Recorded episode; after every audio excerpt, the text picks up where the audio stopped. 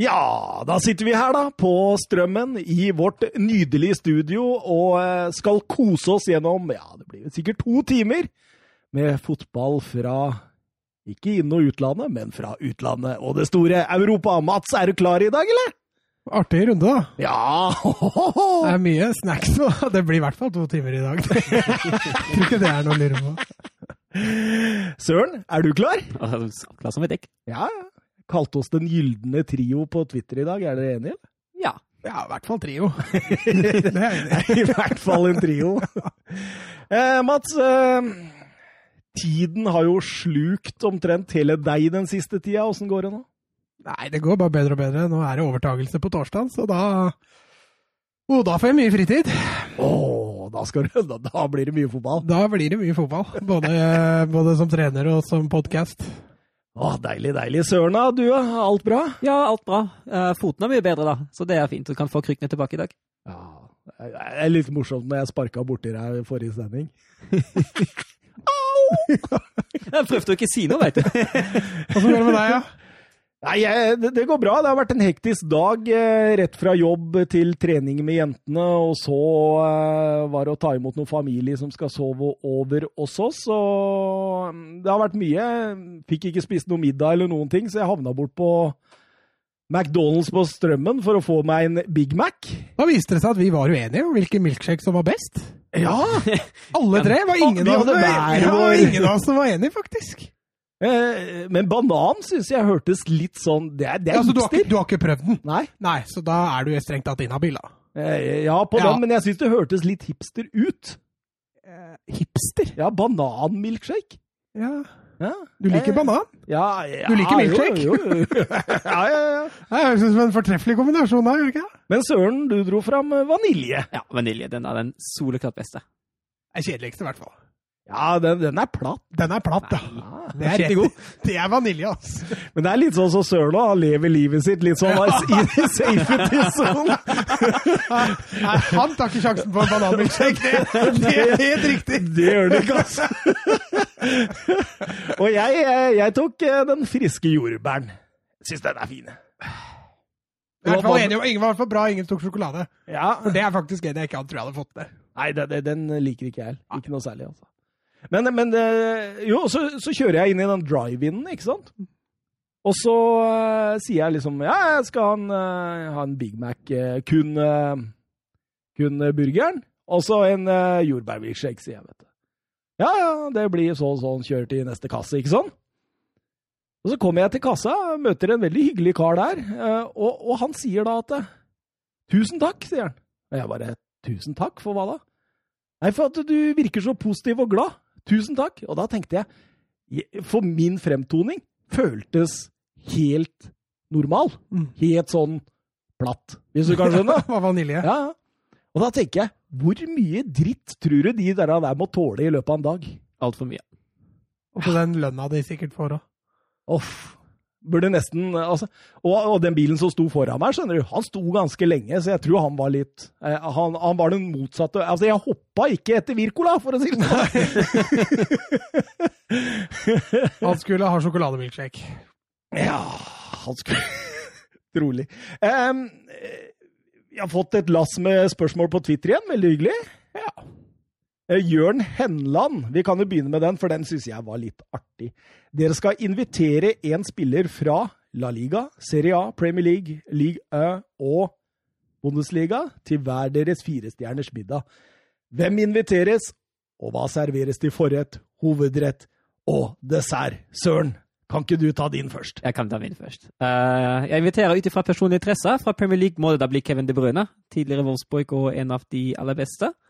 Eh, fra Bundesliga må det selvfølgelig bli en uh, Wolfsburg-spiller, og da blir det Kohn Castel for min del. Eh, fra La Liga tar jeg Messi, og fra Serie A Ronaldo. Går for en ganske Den, den middagen blir klein. Og så tenker jeg å lage en uh, bruschetta med tomat til forrett. Uh, Kjøttkakesnadder til hovedrett, og bak en sjokoladekake til dessert. Men du hadde ikke noe Ligue Ø-spiller, altså? Ligue Ø også? Ja, det står jo det. Å ja. eh, da Nei, da må de jo Han på nesten sparken, da. Neymar. Ja, Jeg hadde gått for en Bappe. Det er i hvert fall en stre- stjerne, stjerne hva, hva heter det? Altså, det er trio, kvadruppel og fem, Fem. femduppel. Ja. Det var, Kvin- Nei, det er ikke kvintett. Kvintett. kvintett blir jo selvfølgelig. Det er norsklæreren på sida der. Er. Tyskeren, tyskeren ordner opp hos Mats. Eh, har du noe svar til Jørn? Ja, da skjønte jeg dere har forberedt litt. Da. Jeg blir litt på sparket. Men jeg tror jeg hadde gått for en litt artigere variant. Altså. Jeg tror jeg hadde kjørt på med noe hardhauser. Og så bare servert biff. Oh. Og sprit. For det drikker jeg, og så tror jeg det blir artigst utover kvelden. Eh, så at jeg hadde tatt en eh, Vidal eller en Angolan fra Serie A, kanskje. Ja, Ja, Og så tror jeg jeg hadde kjørt på med Damian Suárez fra, fra La Liga. Spik hakke gæren. Ja, jeg må kjøre litt uh... Hvem er det som er klin gærne fra Premier League? Uh, Stuart Pearce? Kan jeg dra inn han, eller? Er det Ja, det er din ja, ja, ja, kanskje Tony Adams, da. Tony Adams. Da blir det, da blir det tom for sprit. Den middagen skal bli jaggu våt. Altså. Den uh, tror jeg blir fin. Uh, Premier League, ja, Hvem farleiser er det du har der, da? Joe Barton har jo lagt opp. Joe, Joe Barton. Joey Barton, ja. Ja, hva, han har, ja var kan, ikke han jeg som regne han som La Liga, kan ikke jeg regne han som Bundesliga? Var det ikke han som kalte La Silva for Ladyboy? Ja? Jo, jo, men jeg tar han fra liga. Ja. Og så Bundesliga, der tar jeg Oliver Kahn. Den middagen, den er, den er ikke trygg. Nei, den er ikke trygg. Den, den, den er fin middag. Jeg, jeg eh, har sittet og tenkt litt på dette, for jeg syns det var såpass eh, artig. Og eh, fra league Ø, da vil jeg ha med Icardi. For Icardi han Men er det ha- med følge, eller? Han skal ha med seg Vandanara på den. På den. Så du skal, ta, du skal stjele dama hans, rett og slett? Nice. Og Du har tatt de med finest wax? Jævla Nei, nei, ikke nødvendig. Det, det er bare Icardi her som har med seg følge. Ok, det er bare han som har fått pluss én, ja. Okay. Men Wanda Nara må selvfølgelig bli med Icardi på den eh, middagen. eh. og så er det jo sånn da at eh, Han var Maxi Maxi Lopez. Maxi Lopez. Men han, spilte, han spiller jo ikke i Serie A nå. Han spilte for Crotone i Serie B i fjor, som rykka opp til Serie A. Men Ja. det, det holder ikke, føler jeg. Men, men da må jeg i hvert fall ha en som er kjekkere enn Icardi, og som har mer status og penger. Så fra Serie A da kommer Cristiano Ronaldo inn, ikke sant? Vandanara kommer jo til å ligge etter han, vet du. Garantert kjøpe seg oppover. Eh, fra Bundesliga så velger jeg noe så uskyldig som en eh, Thomas Müller. Jeg, jeg tror han er en sånn skikkelig skøyer og en klovn. Eh, en del av de tinga på intervjuer han har sagt i ettertid, og sånn, som er ganske morsom. Eh, så jeg går for han. Eh, fra Premier League så går jeg for en skikkelig, skikkelig Altså, han kommer til å bli rølpe dritings i løpet av denne, og det er Jamie Wardy. Ja. Det er underholdninga sammen med Müller. Ja, ja, ja. Og så fra La Liga så er det selvfølgelig Messi da, som kommer til å krangle med Ronaldo om hvem som får mest oppmerksomhet av Av- Vandanara. Det, det blir nydelig middag. Vi, eh, vi skal servere en nydelig hummersuppe med stekt hummer til forrett. Vi kjører en eh, raclette eller en fondue, noe sånt nå, på det hovedrett. Det, det er deilig. Det er Ja, ja, men undervurdert. det er litt skummelt da, når Messi bestemmer seg for å kaste det i trynet på, for den olja, den, Ja, ja, den ja, er men, altså. men, men her er det underholdning, ikke sant? Da, da, da lener jeg meg tilbake med popkorn og koser meg. Og så blir det eh, tressis til dessert i god gammeldags Tommy Sharif-style. Nei, jeg gidder ikke å lage, bruke tid på desserten. Jeg er enig i det. Og så skal det være mye sprit og mye øl der, sånn at eh, Jamie Vardy også klarer å, å, å rett og slett fucke opp det selskapet. jeg, jeg tror det blir gøy, er du ikke enig, gutta? Jo da. Eh, Søren, Ja. Du har noen sånne grusomme, grusomme spørsmål? Å oh, ja da, det har jeg kost meg med. Da kan vi jo begynne med vår Jeg, jeg taper alltid Søren sine quiz. Ja, jeg taper alltid dine. Og jeg vinner alle. Nei, men eh, Vi starter med en åpningsrunde. Da har vi har lagt litt fokus på forskjellige landslag og kamper og sånt. Eh, og Vi starter med deg, Thomas. Hvem har flest landskamper for Tyskland av Lukas Podolsky og Miroslav Klose? Åh. Det er Jeg, jeg må bare gamble. Uh, føler eh, Miroslav Klause. Det er helt riktig. 137 mot 130. Mats, hvem har flest landskamper for Tyskland av Bastian Schweinsteiger og Philip Lahm? Hmm, ja, den er så tøff. Uh, Lahm la jo opp tidlig, da. Jeg går for Schweinsteiger. Det er helt riktig. 121 mot 113. Thomas, vi går til England. Hvem har flest landskamper for England av Michael Owen og Rio Ferdinand? Og den er, den er close. Nei, den er lett. Du tror det er Rio, ja? Ja, jeg tror det. Det- var det første som slo meg om, men hvorfor spør han om det? Er det er en sånn litt sånn ah! Fordi Rio, han hadde jo en del Nei, må ikke du ha et svar? Eller? Jo, jeg må egentlig ha et svar. Ja. ja, for Han hadde jo mange konkurrenter i Rio, og det, det var jo litt sånn litt John Terry, litt Ja, uh, hadde Sol Campbell, litt Ja, men, eh, men han hadde en kortere periode. Å, den er vanskelig, altså, så er det jeg sier Rio, jeg. Du sier Rio Ferdinand? Ja. Det er feil. Michael Ja, Owen, det- det- det- jeg kunne 89 mot mot Jeg skulle 81. stolt på meg sjøl! Mats, du får en fin en duo. Hvem har flest landskamper for England av Frank Lampard og Steven Gerrard? Hvem som har flest? Ja. Mm, Frank Lampard. Det er feil. Det er Steven Gerrard, 114 mot 106. Men ser du hvor fort svaret kommer her, Søren? Det er ikke noe, Begynner ikke å resonnere og kaste bort tida på sånn tull. Det er ikke resonnering halve moroa. Thomas? Det er lynrunde. Du kalte den jo sjøl lynrunde!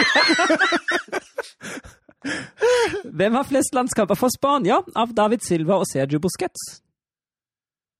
Oi, det må være ja, Hvem er det, ja? Hvem er det, ja? Det er Busquets. Det er feil.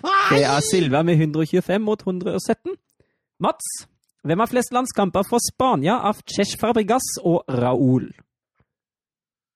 Oi, oi, oi, jeg går for Fabregas! Det er helt riktig. Deilig! 110 mot 102, og da 102, Timbuk, Timbuktu. Og da vinner du det første poenget. Nå går vi videre til spørsmål to. Der vi vite hvilken spiller dette er. Uh, leser opp klubbene i kronologisk rekkefølge.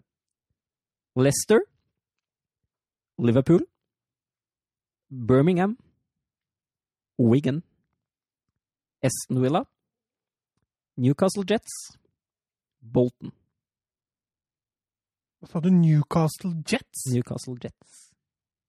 Eh, les det med en gang til. Le Leicester, Liverpool, Birmingham, Wigan, Aston Villa, Newcastle Jets og Bolton. Jeg bør jo vite dette. Kan jo legge til at han la opp i 2016.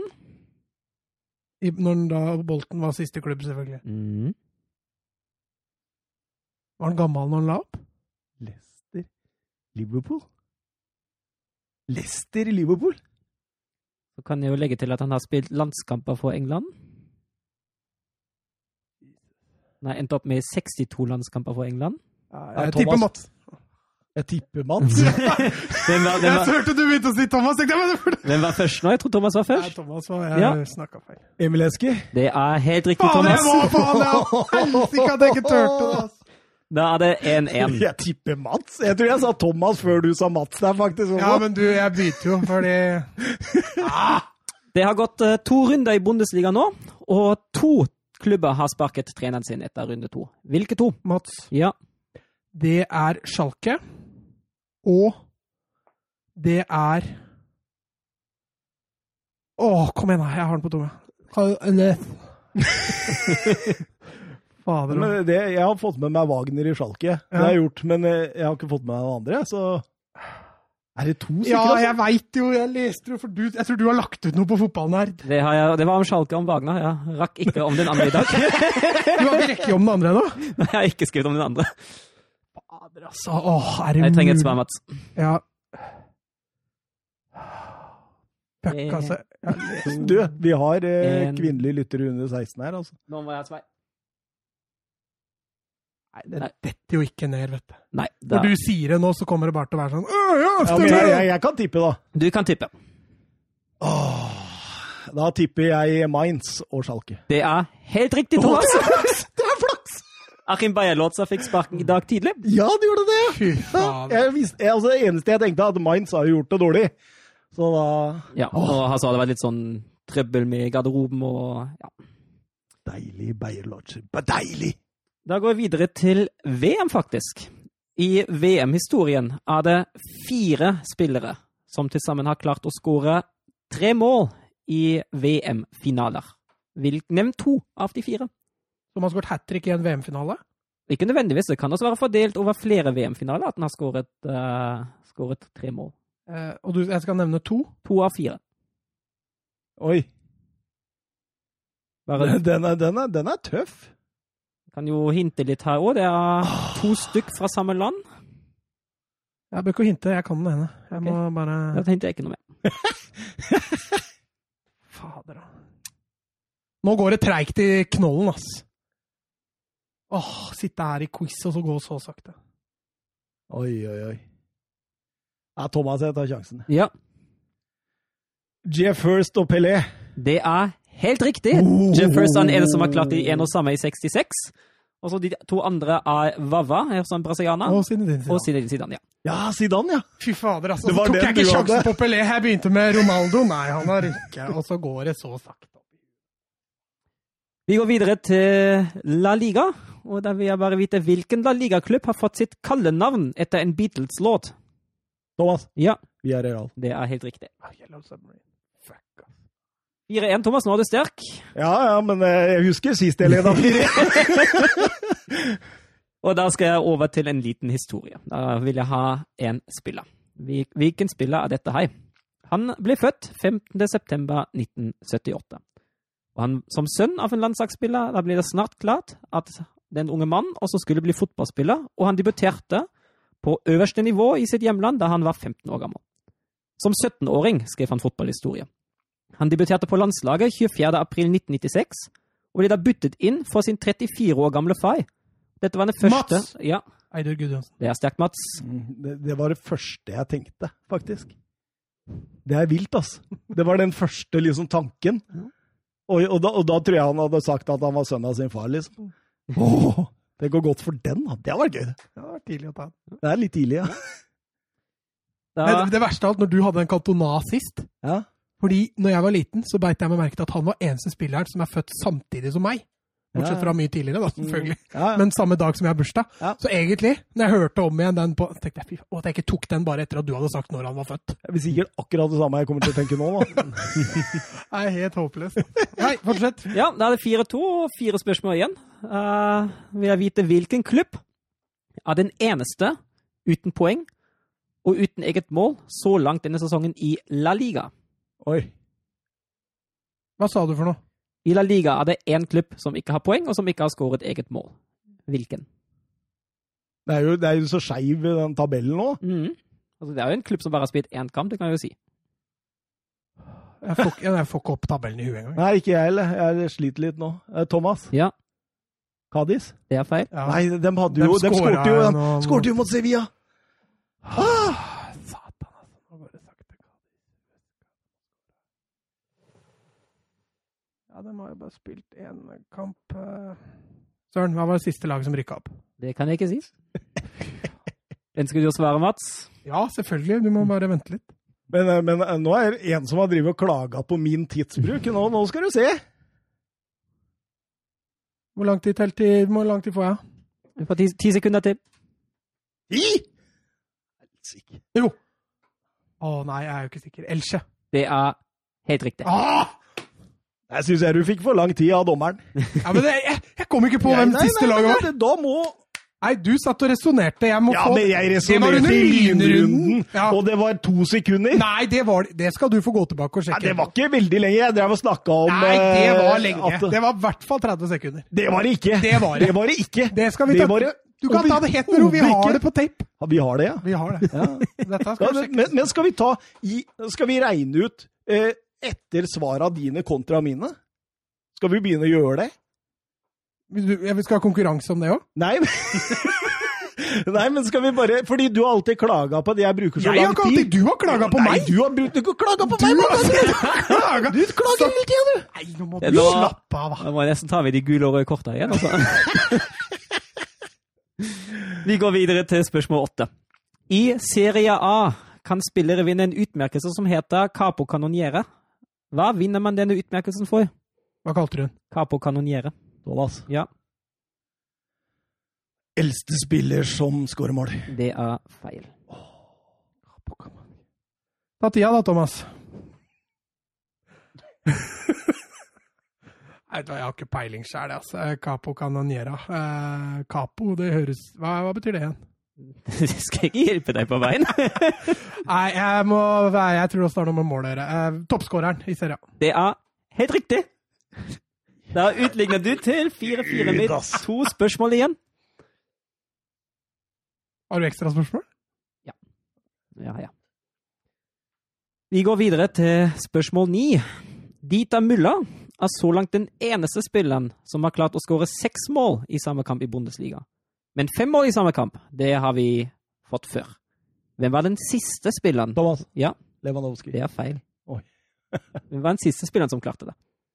Før han Müller som skåra nå? Mhm. Ja, Hvem var den siste som skåra fem mål i Bundesliga? I samme kamp. Og hvis det ikke var Lewandowski, det var ikke Haaland Eh, Nei, jeg tipper Timo Werner, da. Det er feil. Det var Luka Jovic. Ah, ja, ja. I 2018, da Frankfurt slo Düsseldorf 7-1. Det hadde vært tippet mitt nummer kanskje 20, eller noe sånt. Jeg hadde i hvert fall vært igjennom Bundesliga. Kramaric Eller Alcácer, tror jeg til og med sto foran for Aubameyang. Da går vi videre til siste spørsmål, og har for dere fem spillere meg nå. Og en av disse spillere har ikke vunnet Premier League med to forskjellige klubber.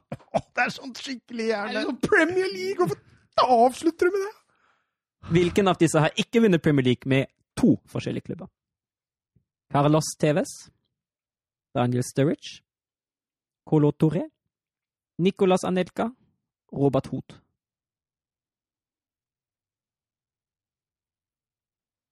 Da var det stille. Ja, ta, ta dem en gang til. Carlos Tevez, Daniel Sturridge Thomas. Ja, Daniel Sturridge. det er helt riktig, Thomas! Yeah! Han vant kun med Chelsea i 09. Han var i. City òg, var han det? Ja. Ja, han var det. Han var i City og Liverpool, men Ja. Liverpool vant den ikke. det vet jeg. jeg trodde han vant City. Hvem var tredje spilleren? Eh, Det var Colo Touré. Han jeg tenkte på. Og det var deilig, Mats!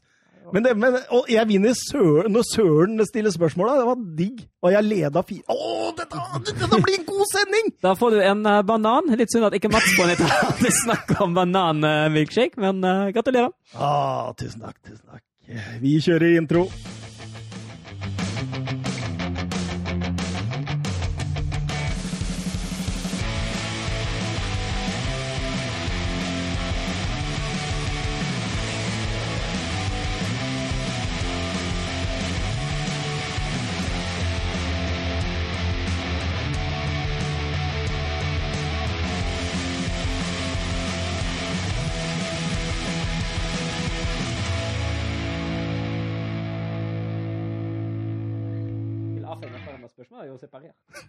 Jo, men det kan jo hende at når, Det har jo noe med mental greie. Altså, når Thomas leder fire, så tenker jeg at nå må du skjerpe deg. altså. Istedenfor å gi opp. Hadde jeg gitt opp, så hadde jeg ikke hadde den italienske kanskje hadde svart mafiaen igjen. ikke sant? Hadde jeg gitt opp. Ja, men skjønner du? Jeg er litt sur nå. Ja, altså, gå, altså du, Nei, ja, men fader, du ligger under 4-1, og så skårer du 4-4. Og så i 90 minutter, så Fuck you, ass. Men du, vi, vi, vi begynner i, i Premier League. Brighton, uh, Brighton flaksene. Brighton, eh, Manchester United uh, For en kamp, søren! Hæ? For en kamp! Ja, for en Har du kamp. starta? For lenge siden. Nei. Jo.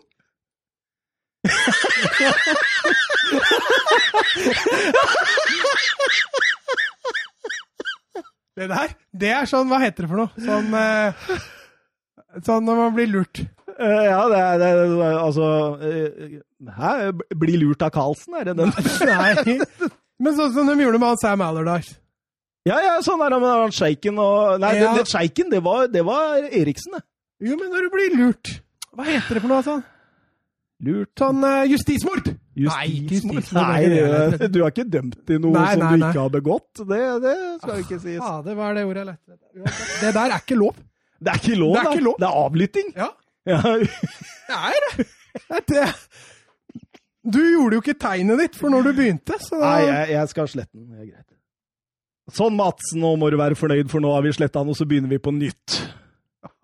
Så der justismord gidder jeg ikke å være med på. Nei, nei, nei, da, drar jeg, du- du-. Du skal få slippe det. Men, men nå, nå har vi drevet i en halvtime her med gjøn og gjøgleri, så nå må vi eh, ta fatt på det vi egentlig er her for å, å snakke om. Det er eh, Premier League, som vi begynner med.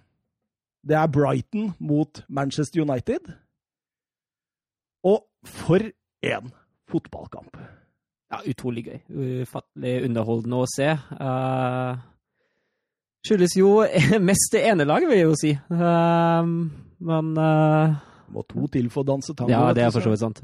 Men Men, men altså Altså, jeg tenkte Brighton, måten de åpner dette på De har jo to i stolpen før jeg har plassert passert 20 minutter. De kjører over Manchester United. Det er, det er egentlig klasseforskjell. Eh, United sliter mot etablert, som de gjorde sist mot Palace. Det sliter med å få høyt press på seg, sliter med tempo og bevegelse. Bruno eh, Fernandes, som jeg kalte Martinez i, i forrige episode, slår jo stort sett bare bakover og sidelengs.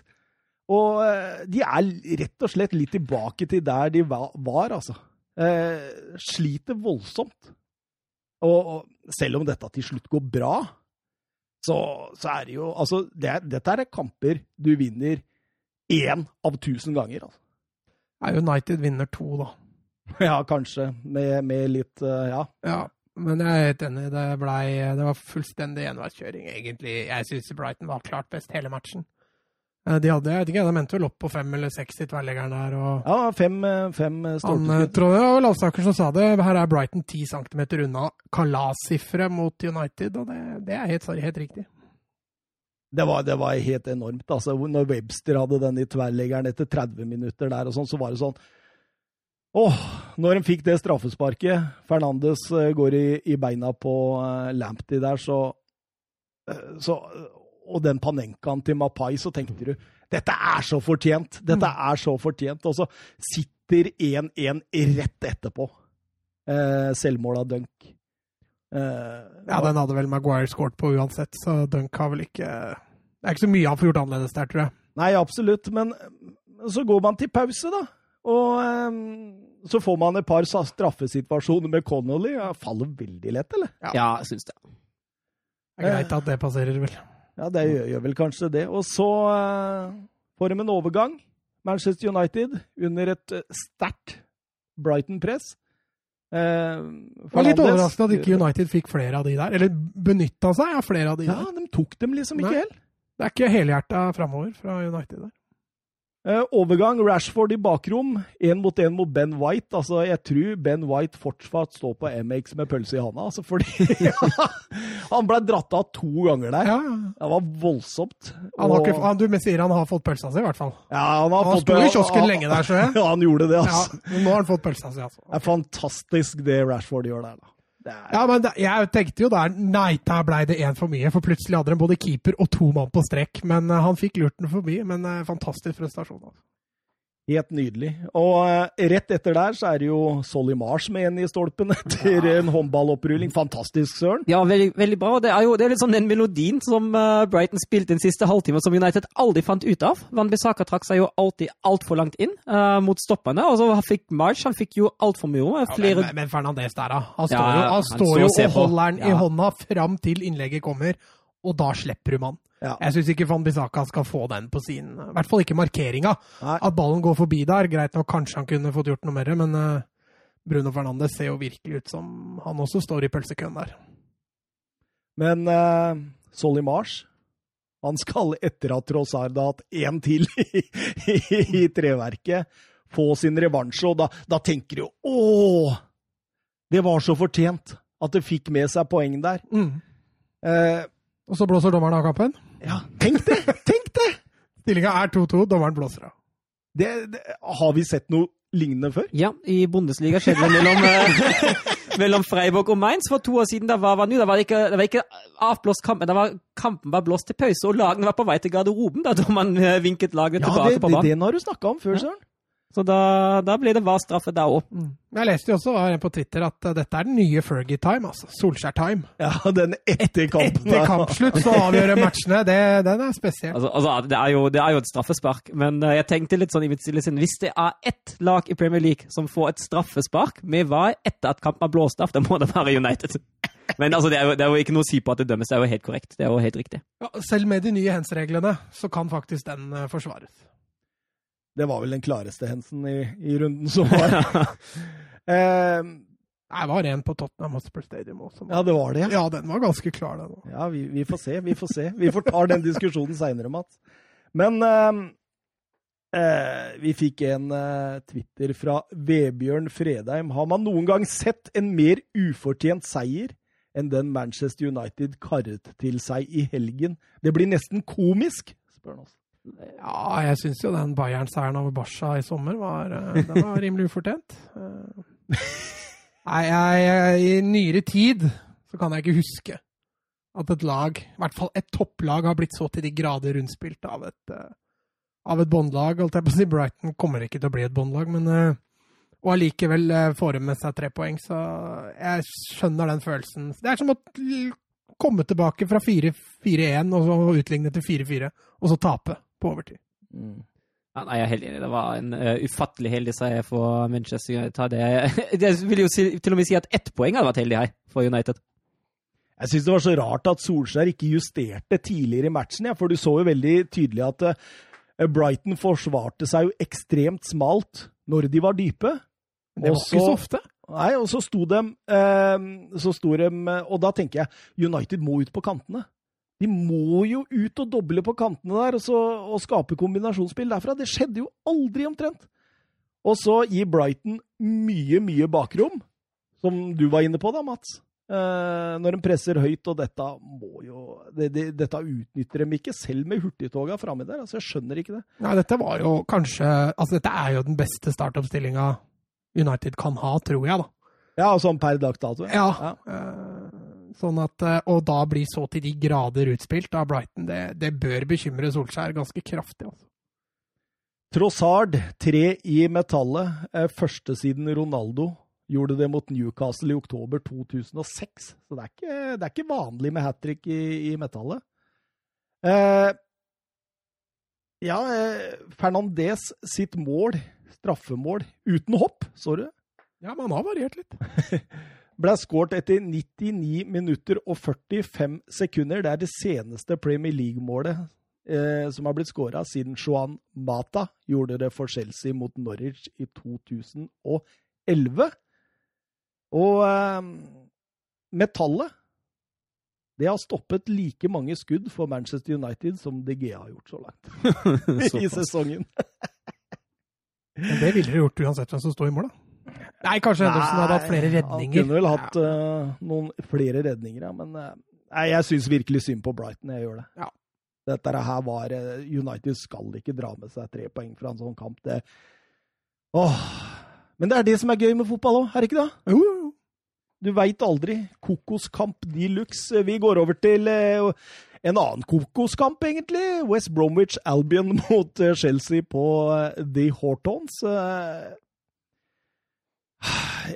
Mitt spørsmål, da, Søren, Ja. til deg, det er tror du Lampard trener på det defensive?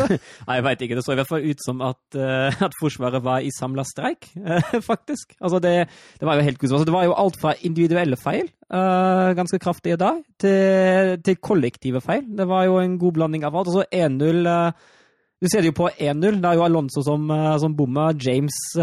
Men den er ikke ferdigskåra heller. Nei, den er ikke det, men altså J begge Men, men hvorfor skal han hedde rett til Ja. Pereira der? Jeg, jeg tror ikke det er det han prøver på. Nei, Nei, men det, det er altså, ufattelig han er- svakt. Han Du har jo han, han har jo ikke Nei, han har- oversikt. Nei, han har ikke, han har ikke balanse heller. Så jeg er for så vidt enig i at det er et dårlig valg. Men han tar vel en sjanse da, på at det er noen der. Og så hadde jo James forsvarsspiller ikke akkurat å berømme i den situasjonen heller. Det er jo en dårlig. Svakt press. Ja, enig. Og så og så på 2-0 er det jo fullstendig gjennomblødning av Tiago Thiago Silva. Hva handler det med å stoppe den ballen? jeg veit ikke. Bestemor Olga på 97 klarer å dempe den ballen. Og- hvorfor skal han prøve å Altså, velkommen til Premier League, altså. Hvorfor skal du gjøre det så fancy? Dempe den med såla? Hva er det for noe tull, da? Velkommen til Premier League. Ja, du- Akkurat som han ikke hadde blitt straffa for det i en annen liga. Ja, ikke i like stor grad i, i ja, Paris Saint-Germain. Bjørn Bergman hadde tatt den jobben også, det er jeg ganske sikker på. Eh, altså, du kan ikke gjøre sånn, da. Altså, hvorfor altså, hadde, Hvor forbanna hadde du vært som trener hvis du sto og så på at midtstopperen din prøver å dempe den med såla? Ikke bare midtstopper, han var kaptein òg. Ja. skulle, skulle være lederen der ute, Ja, Altså. og så står du og demper en ball med såla! Hva er det for noe tull, da? Men på trening så klarer han det der ti av ti ganger, vet du.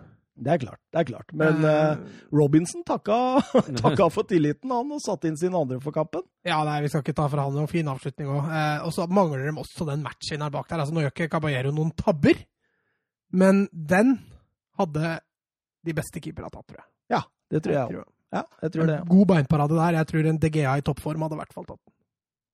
Og så har du 3-0, Søren. Ja, og da er det jo, er det jo egentlig kollektiv svikt, uh, vil jeg si. Uh, James uh, henger, henger jo absolutt ikke med i, i feltet der. Men, Han altså, opphever offsiden der, Ja. men det er Alonso. som Ja. markerer, ja. Ja, hva er det han driver med? Han bare lar den gå, han.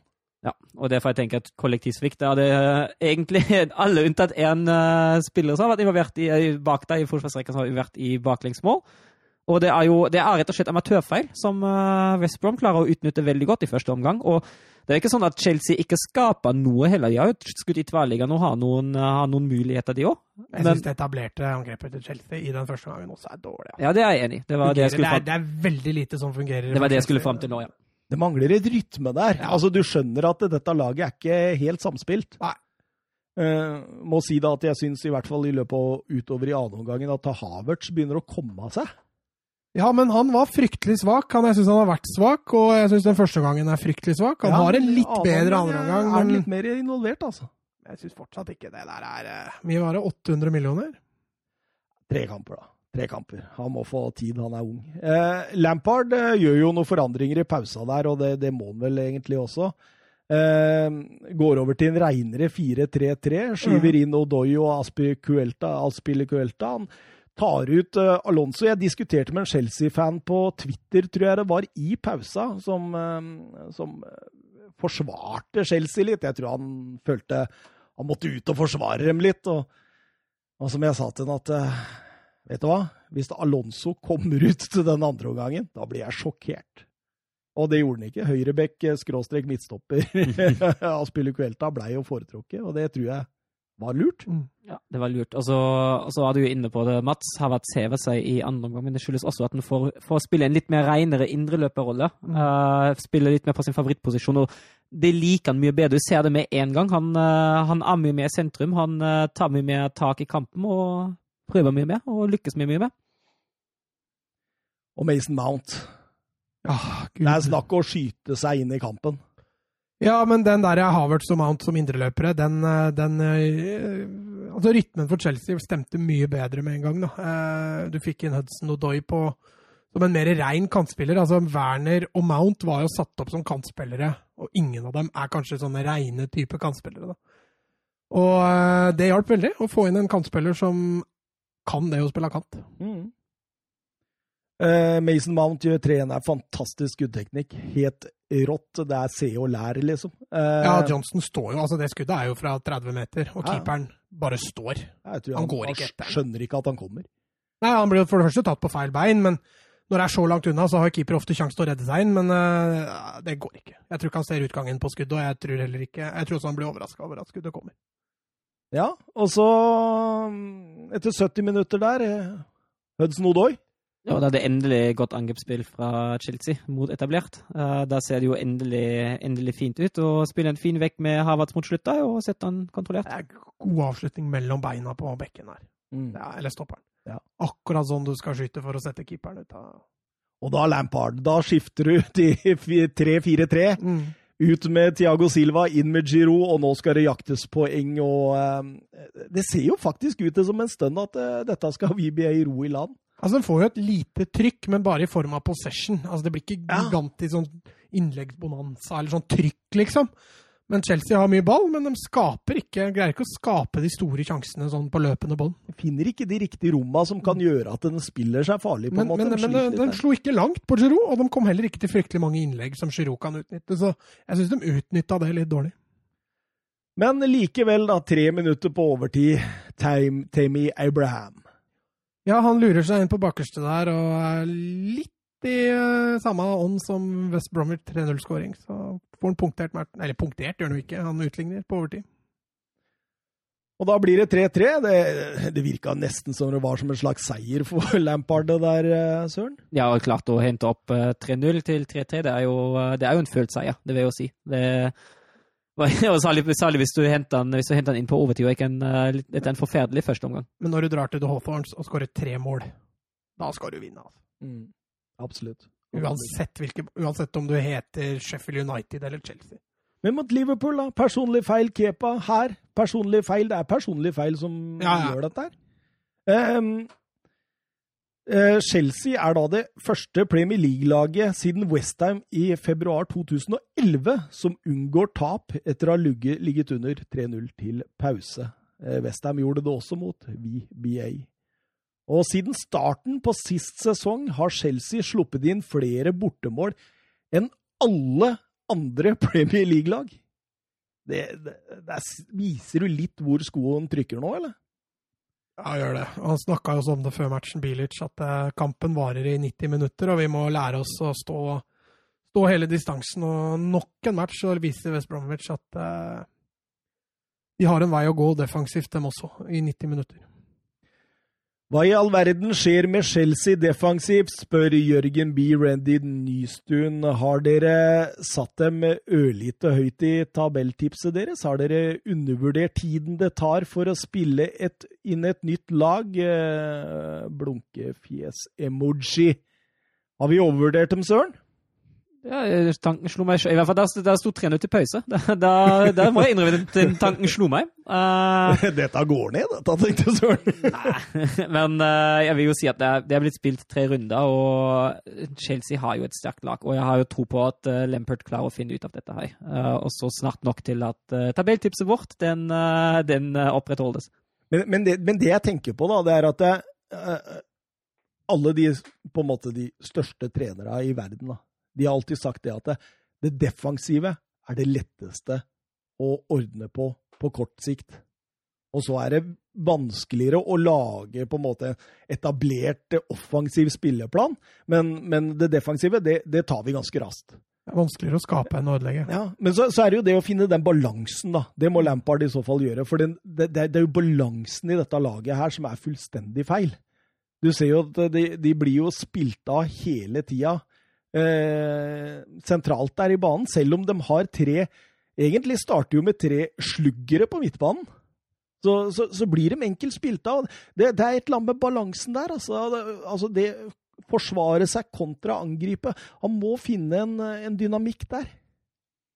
Ja, så er det jo som Søren sier, kun spilt tre runder, men det er klart det er litt bekymringsverdig det Chelsea har drevet med. Ja, altså, de, var, er- de var svake i første matchen, de var svake mot Liverpool, da var ikke riktignok én mann utvist, og de var svake mot West Bromwich. Men det- dette skjedde i hele fjor òg, Matt. Hele sist sesong. jo, At de der- er svake. Det, altså, de hadde vel ikke sluppet inn uh, mer mål i Premier League siden 90-tallet eller noe sånt nå, i sist sesong? jo, jo, men der også var det jo en del kamper som var bra. Det Ja, var ja. ikke sånn at de slapp inn tre-fire mål i hver kamp de spilte. Nei, og det sier jeg ikke de gjør nå heller. Men, eh, men jeg er helt enig i at det er ikke store forbedringen så langt fra det vi så i fjor. De har fått inn noen nye spillere, de har en bredere stall, og det er klart at en sesong som dette vil det være positivt, tror jeg, da. Eh, For i år kommer jo kampene tettere enn noen gang, og du som Tottenham-supporter får en heftig uke denne uka i hvert fall. Så det vil jo bli eh, sånne uker for Chelsea også, og Champions League er jo ikke i gang engang. Ja, så tenker jeg med, med forsvaret, og jeg er jo enig i det dere sier, men uh, Thiago Silva har jo sin første kamp nå for Chelsea. Uh, og han er jo Han skal bli ganske sentral inne i forsvaret, og så er jo Chilwell ikke helt klein, da. Og det er jo Nei da, nei da, men, Det er jo to nye spillere som må integreres. Men, men jeg tror ikke det er nødvendig. Altså Aspilicuelta, Rudiger, Kurt Zuma, eh, Andreas Christensen Tomori. Eh, Tomori altså, det, er- det er alle, alle er spillere som er gode nok til å ikke slippe inn tre Jo, mål på men så gjør de personlige feil hele tida likevel. Ja, ikke sant? Og, og, og hvorfor kommer disse feila, da? Altså, Jeg tror også de feila altså Det er ikke tilfeldig at eh, Chelsea er fylt opp med personlige defensive feil. Altså, Det, det, det må jo ha en, eh, en dypere forklaring til det hele, da, tror jeg. Og jeg tror det ligger i balansen at det, det blir for mye fokus på det offensive. At det defensive rett og slett glemmes. Tror du det? Ja, altså mer eller mindre. Jeg tror, jeg tror liksom Altså, det går ikke an å kjøpe seg et godt forsvar og ikke trene dem. Eller samspille dem, eller ha en plan for dem. At det er mer fokus på det offensive enn det defensive, det tror jeg, jeg også. Det er jeg helt enig med deg. Men at man glemmer forsvaret i en Premier League-klubb, det er mulig du satte det litt på spissen. Ja, jeg gjorde jo det. Men, Jeg gjorde det. men eh, det er selvfølgelig et eller annet der som skurrer, og så Det er vanskelig å sette fingeren på det. Hva de, hva de bør fokusere mer på. Det er i hvert fall et fokus, fokusproblem der òg. Tottenham, Newcastle eh, Fantastisk Tottenham-spill til tider der de rundspiller Newcastle etter alle kunstens regler. Både eh, i overgangsspillet og imot etablert. Skaper sjanse etter sjanse. og det, det, er et lag på banen, rett og slett, eh, gjennom eh, hele, hele første omgang. Eh, veldig fortjent når Lucas setter 1-0. Veldig. Det er sterkt av, sterkt av Kane og den passingen da han slår eh, på tvers. Han har blitt litt sånn tilrettelegger, han. Ja. Ja, han har fem av sist i år. Ja, det er Men han har fire i den ene kampen, da. Så gir litt mer tid. Jo, jo, men han, har, det, det er vel, han hadde vel sju hele forrige sesong, så han ligger godt an. Nei, det var forrige sesong for der. Og bare det. Ja, for dette, han har allerede tangert sin nest beste sesong, og det var i fjor. Men litt kjedelig at det bare er 1-0. Det var jo eh, i hvert fall for deg, det var jo litt, uh, litt stolpetreff der òg. Det var det. Son hadde to i, i eh, metallet, og, og Carl Darlow spiller vel kanskje sin livskamp. Ja, han er sterk. eh, Han begynte jo allerede etter tre minutter, og han ga seg vel egentlig aldri. Føler Newcastle kommer litt mer inn i det i, i annen omgang. Eh, Bruce gjør noen grep, og, og det, selv om Tottenham på en måte har kontroll og fortsetter å produsere bra med sjanser, så, så, så tør de i hvert fall holde litt mer på ball. Da. Så jeg så i en periode der så var det jo 81-19 i ballinnehav. Mm. Og i første omgang spesielt så er det jo fullstendig enveiskjøring. Eh, og det at Tottenham ikke klarer å skåre mer enn ett mål der, det, det skulle komme og hjemsøke dem. Hjemsøkes litt av skader òg. Son måtte ut med en strekk i pausa. Mm. Det er ikke bra, vet du. Ja, det var det jeg sa til deg. Jeg tror ikke du får se Bale, Son og Kane på banen samtidig. Nei, det spørs, det. Men, men jeg, jeg syns jeg så på Mourinho også utover i annen omgang der, at han så liksom oppriktig bekymra ut. At han nesten forutså at det, Men som trener og jeg veit det sjøl, den derre 1-0-følelsen, eller lede med ett mål, da, og du føler du bør skåre to og tre, og så kommer ikke målet. Da kommer den følelsen snikende, den derre Fader, altså, dette greier vi ikke å punktere. Så smeller eh, Steve Bruce inn på Andy Carroll der og skal begynne å pumpe litt. Og, og det blei jo utslagsgivende, det. Ja. Vil du ta oss gjennom de siste minuttene av kampen, eller? Da er vi godt ute på overtiden. Ja, hvis du ikke vil igjen, så kan jeg godt gjøre det. Det, var, eh, det ble et frispark. Et eh, Vi dveler ikke noe mer med det. Det blei et frispark. Jo. Linton løper ned Høibjerg og får frispark. Det er så på trynet dømt! Altså, men- men mener du Høibjerg- for- Mener du Tottenham skal ha frisparket? Ja, for det er jo brøyt. Han, han mister jo balansen og stuper inn i Høibjerg. Altså, han spiller fra seg ballen, mister balansen, stuper inn i Høibjerg og, og, og får frispark. Det er, altså, det er, det, dommeren mangler så spilleforståelse av det der at det er, det er nesten latterlig, da. Ja, uansett. eh, Frisparket blir slått inn, når Carroll header ballen i, i hånda på, på Dyer. Uh, Dyer står jo med ryggen til. Det er vel kanskje det mest sensasjonelle der. Men uh, sånn som hands-regelen nå er, så er det vel greit at det blåses straffe der. også. Ja, det, det er nok det, men uh, den hands-regelen er jo ikke bra. Jeg er jo enig i kritikken i hands-regelen. for jeg er enig i det, i det du sier, Mads, at det er, det er straffespark. I hvert fall etter regelen nå, men man må jo spørre seg om denne regelen gir så mye mening som den gjør. Crystal Palace fikk jo en mot seg òg. Eh, Brede Hangeland sa han var oppriktig bekymra for eh, spillet vi alle er så glad i. Steve Bruce står etter denne kampen her og sier at 'jeg klarer ikke å glede meg over det', liksom. Mm. Selv om det gikk vår favør nå, liksom. Det, det, det går ikke an. Altså, Dyer står med ryggen til i lufta, for han har jo hoppa opp, og blitt truffet på øvre del av armen fra 20 cm. Mm.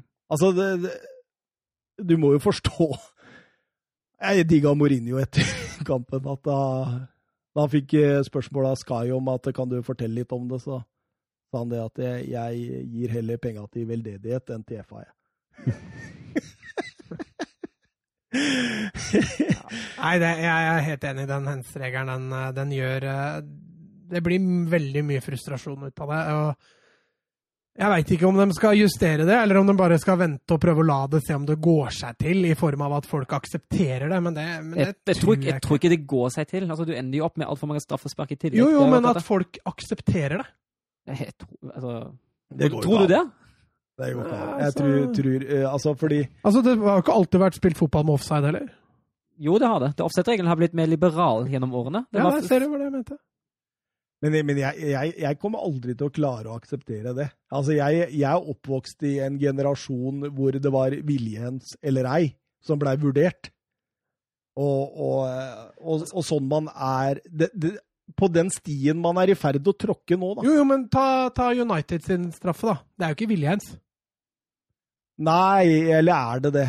Nei, det er jo ikke det. Han er, har jo hånda der oppe før Ja, han header. men, men han gjør seg større når skuddet er på vei mot Jo, mål. men Jeg da synes... er vi jo inne på en ny, ny ja, men, vurdering. men, men, men det er det Steve Bruce er inne på etterpå, at nå må en gruppe fagpersoner som spiller eller leder lag Altså, Han snakka om Roy Hodgson og han sjøl og alt mulig. Må, må komme sammen og bli enige og gå til FA og si sånn skal det være. Fordi det, det nytter ikke sånn det blir praktisert nå. Det sitter tydeligvis da, en gjeng der som overhodet ikke har spilt en fotballkamp. Altså, Du så jo til og med eh, Matt Ritchie har et innlegg eh, i den kampen mot Tottenham, hvor eh, jeg tror det er Doherty som legger henda bakpå ryggen. Eh, han treffer da albuen til Doherty, og, og Matt Ritchie er oppe og sier straffe. Liksom, altså, Hadde han ikke treffet albuen til Dorothy, som allerede hadde henda bak på ryggen, så hadde han treffet eh, sida til Dorothy. Men, men, men selv om der roper de å straffe For de spillere de, de veit jo ikke hvor denne grensa går engang. De aner ikke. Du, du ser jo på dem at de, de, de bare går rundt og lurer. Mm. Og det, det skaper jo en enorm forvirring. Ja, og frustrasjon. eh, Både blant supporterne, spillere og trenere. Og så kan man jo nå, nå kan man faktisk komme dit hvor folk kan spekulere i å skyte ballen opp i hånda. Ja, ja. For nå, nå er Ja. vi der. Absolutt. Og det er sikkert noen tullinger der ute som tenker at det skal vi utnytte. Ja, det kan godt hende det er klubber som allerede trener på det. Ja, det kan godt hende. Petter Støvland på Twitter han sier 'hens, hens, hens'. Alt er hens. Det var vel eh, Morten Lang- Langli. Langlis famous eh, Nye retningslinjer, unaturlig posisjon og avstand skal vurderes. Dyer er jo lufta etter en duell 15 cm fra Carroll. Enig med Steve Bruce, nå må de som har peil, sette seg ned og, og, eh, eh, fornye nye, eller lage nye restriksjoner. Palace ble også ranet for noe tid, i- lignende. Jeg blir forbanna, skriver han. Ja, jeg skjønner det godt at han er forbanna. Den hensregelen er bare å bli forbanna av. Altså, Ja, men det står jo, altså, ifølge Støvland her, så står det i hvert fall noe om avstand. At det må tas til betraktning. Ja, Nå leste jeg en ESPN-journalist uh, som, uh, som nøste opp i hands-situasjonen i Premier League denne helgen, uh, på Twitter. Eh, og han er veldig klar på at Uefa instruerer å blåse hands eh, så snart det er en stilling der armen og hånda er ut av kroppen, og i hvert fall over skulderen. Og hvis du treffes da, da er det hands. Nå Spiller ikke avstand noen rolle. Nei, ikke, i hvert fall ikke ifølge Uefa. I hvert fall ikke det han ESPN-journalisten skrev. Husker du vi hadde noen sånne i Serie A forrige sesong òg? Noen Men det har du jo fortsatt med nå, da. ja, ja. Hadde et par, par den runden her òg i Serie A. Men altså, jeg er jo, jeg er jo helt enig i det Pet eh, skriver der, at det, det, er, det er frustrerende. Det er, det er fryktelig. Eh, Det er ikke sånn, eh, sånn det, er, det er ikke sånn en fotballkamp skal avgjøres. Wilson skårer uansett på straffesparket, og eh, Newcastle har eh, i løpet av denne sesongen tre skudd på mål og tre mål. Ja. Effektivt! Så, så effektive er Det, det. det er effektivt. Vi går videre til Etihad Stadium, der eh, Manchester City fikk besøk av Leicester City. S- Straffesparkkonkurranse der jo. Oi, oi, oi! Altså, for noen kamper Ja, altså, vi fikk i Premier League! underholdningsnivået har vært skyhøyt denne helgen, altså. Ja, du, du sitter jo bare og nyter og, Ja. og koser deg. Så Og, sant ikke og er sjokkeres litt. Ja, ja, ja. Det, det, det, det er jo eh, det, Altså, førsteomgangen til City her er som førsteomgangen mot uh, Wolverhampton. Mm. De, de spiller fantastisk fotball. Og leder Nei, de leder er ikke. 1-1. Nei, Wardy får jo den uh, men, men, men samtidig, da. Så, altså, Mares eh, første mål, vi kan jo ta det. Et skudd i vinkelen. Det er jo det er et drømmetreff. det er et drømmetreff. Eh, men Leicester ligger dypt i 5-4-1 og skal kun kontre. Altså, du ser altså, Brennan Rodgers han har sagt til dem at OK, eh, vinner vi ballen, spill av presset med å eh, helst vende spillet, og så slå direkte i bakrom. Og det gjorde de gang på gang, og det ble jo farlig hele tida. Eh, Wardy er jo den perfekte spiss Ja, ja. for å spille en sånn Men jeg type syns også. Leicester forsvarer seg tidvis veldig bra. Det gjør de. Den, eh, det er ikke et lag, Leicester er ikke et lag som er kjent for å forsvare seg veldig mye etablert. I hvert fall ikke i fjor. Nei, nei. Eh, Så at de går dit til Etiad, og så bare gjør de det, det, det står det faktisk ganske mye respekt av. altså. Absolutt. Eh, Det er ingen som helst tvil om. Um, eh, Og til pause der så er det 1-1, til tross for at man sitter og tenker at dette tar City. De, de maler nok på at dette skal gå bra. Så problemet er at de spiller også andre omgang, akkurat som de spilte andre omgang mot uh, Wolverhampton. I hvert fall nesten. Ja, det, det, det Ja. blir jo sånn. Det blir jo sånn, altså eh, Leicester valser jo over eh, City med den ene overgangen etter Mm. den andre der. Ja, det er overgangsspill på, på relativt høyt nivå, og med en, en Vardy i kanonform. Og jeg syns også Harvey er bra involvert i mye av det Leicester driver med i dette overgangsspillet. Så det fungerte og glei veldig bra for Leicester offensivt. De hadde vel sju avslutninger totalt, eh, Leicester, og alle sju gikk på mål. Altså, altså få noen skåringer vi har fått i den kampen. Der. Det er ikke bare Mares, det er jo Vardy og Medison og herregud. Oi, oi, Det oi. er nydelig. Wardy når han drar den eh, flikken på fremste der foran Garcia eh, med hælen. Eh, fantastisk avslutning. Og så Eh, chipper han den, sånn at den går rett over huet på Ederson. ja, ja. Han skårer 3-1 også, før Madison, som du er inne på, Søren, som klinker den i mål fra 18 meter. Men altså, jeg må jo si, jeg, jeg er altså skuffet over bekkene til Manchester City. Jeg syns det er så mye svakt bekkspill. Eh, Mondi lar seg jo eh, overspille gang på gang på gang. Har null kontroll på, på rommet ved siden av seg i det hele tatt. Det, Det, er, det er store avstander der. ja, det er altså. store avstander. Det er langt til nærmeste stopper. Indreløpere er langt unna. Den dype er ute av posisjon. Men altså, Kantene er jo ikke der. Og hvis, og hvis du ser på 4-1, hvorfor, hvorfor uh, Walker bare stuper i prestene og står en medspiller på spilleren han presser på? Jeg skjønner ikke noe av i det hele tatt. Så kommer seg jo aldri Nei, det, det er jo sånne personlige taktiske feil som, som City sliter litt med. Men, men så er det jo også dette med Pep Guardiola og det at han, han, han står så knallhardt på at det, jo, vi skal spille sånn som vi gjør. Og, da, og, og det, det blir jo litt av det samme som Bayern München, bare Bayern München er bedre i City enn City i den gjenvinning, tidlig gjenvinning, og ikke få så mange baller over seg. Eh, så det er, det er, det er, jeg syns liksom Flick, Guardiola Det er ikke langt unna hverandre, Søren. Nei, det er ikke det. I hvert fall ikke på grunntanken. Altså, altså er det jo, Flick har jo sjøl sagt også at han ønsker å ha litt mer possession og litt mer kombinasjonsspill istedenfor bare presse høyt for å spare litt krefter den sesongen. Så det jobber han med, og da ligner det i hvert fall enda mer Guardiola. Artig når vi snakker om dette, da begge disse laga ble kontra i senk. Den Bayern fikk kjørt seg litt. Med, ja, Ja, de gjorde det. Nathan Akay setter eh, 2-4 etter et eh, hjørnespark, mens uh, Mandy river ned Madison. Jeg syns han ser litt sånn tafatt ut når han gjør det. Litt sånn Ja. Gidda laus. ja, ja, litt giddalaus. laus. orka ikke å ta det løpet, så da river jeg ned isteden. Eh, det, det er totalt ufarlig i den posisjonen Madison er i. Det er nesten litt sånn Wolfs gjorde mot City forrige Ja, stemmer. stemmer. Når eh, Roman Saiz var nede og takla Kevin De Bruyne der, ja. Og da taper eh, City 2-5, da. Det er litt sånn flashbacks til 1920-sesongen, det her, altså. Ja, det er litt sånn. Det var, det var en på jobben min som sa det faktisk i dag, at eh, vi veit jo hvordan denne går, sesongen går nå. Liverpool stikker av. Ja, vi får se i dag, da. Ja, skal, vi, skal, vi, skal vi ta en liten live-oppdatering på Liverpool-Arsenal? Oi, oi, oi. Liverpool leder 2-1. Mané og Robertson, faktisk. Lacassette. Ja. Der er det pause. Arsenal har én avslutning i kampen, Liverpool har elleve. Så da Possession er 69-31. Arsenal har fått kjørt seg, men, men, men dette er- du, du, Bare med å se denne statistikken der, da, så skjønner du at her har Arsenal brukt en Arteta mot gode lag-formasjonen. Ja. hvor de bare legger seg tilbake, og så skal de prøve å kontre. Ja. Og eh, Liverpool ja, det, det, det er et så knallsterkt lag at jeg lurer på om de ja.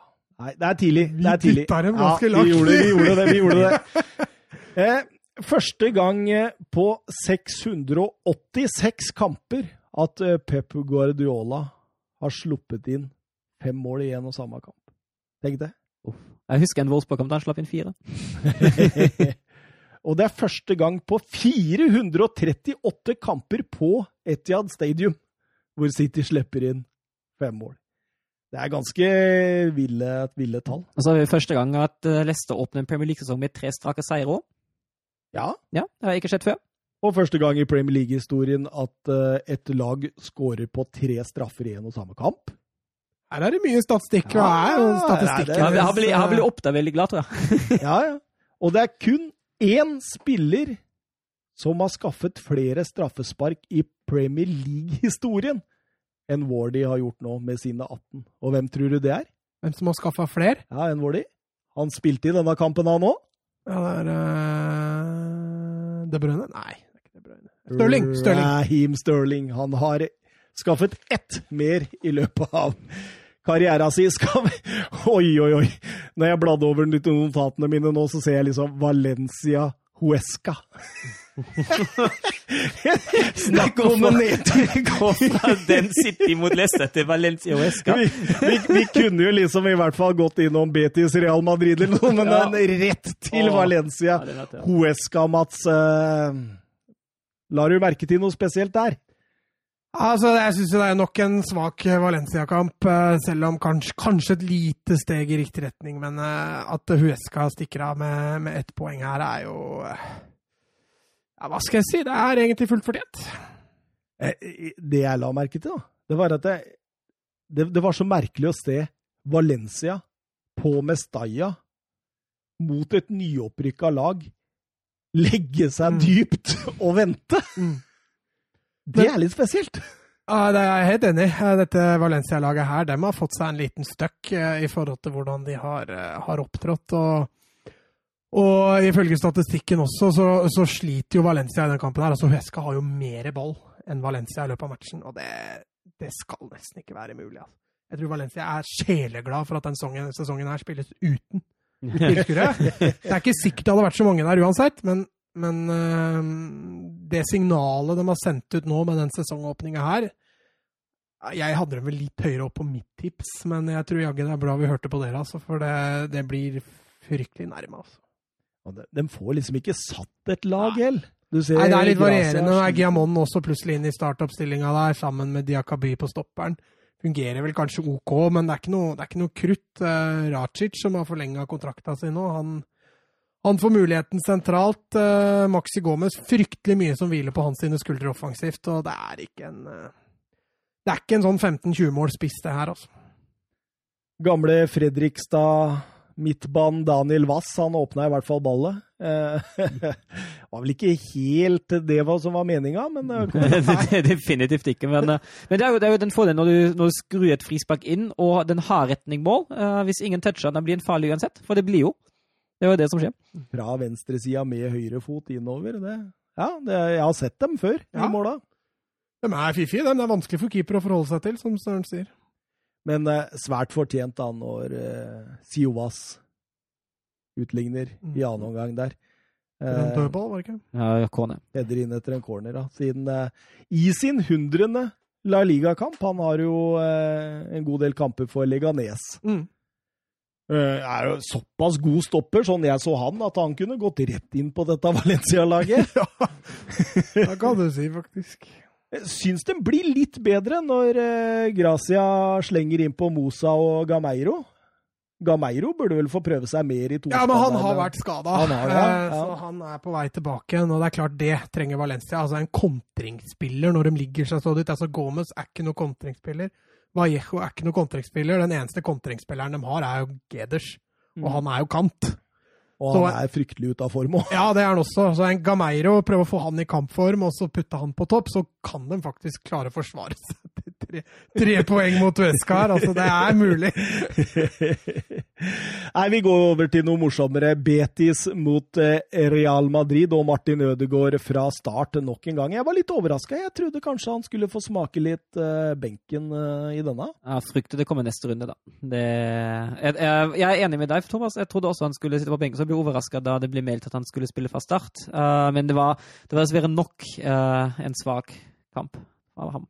Altså. Nei, ikke bare han den første gangen der til Real Madrid. Den er, den er fryktelig dårlig. Eh, de er OK fram til de skårer.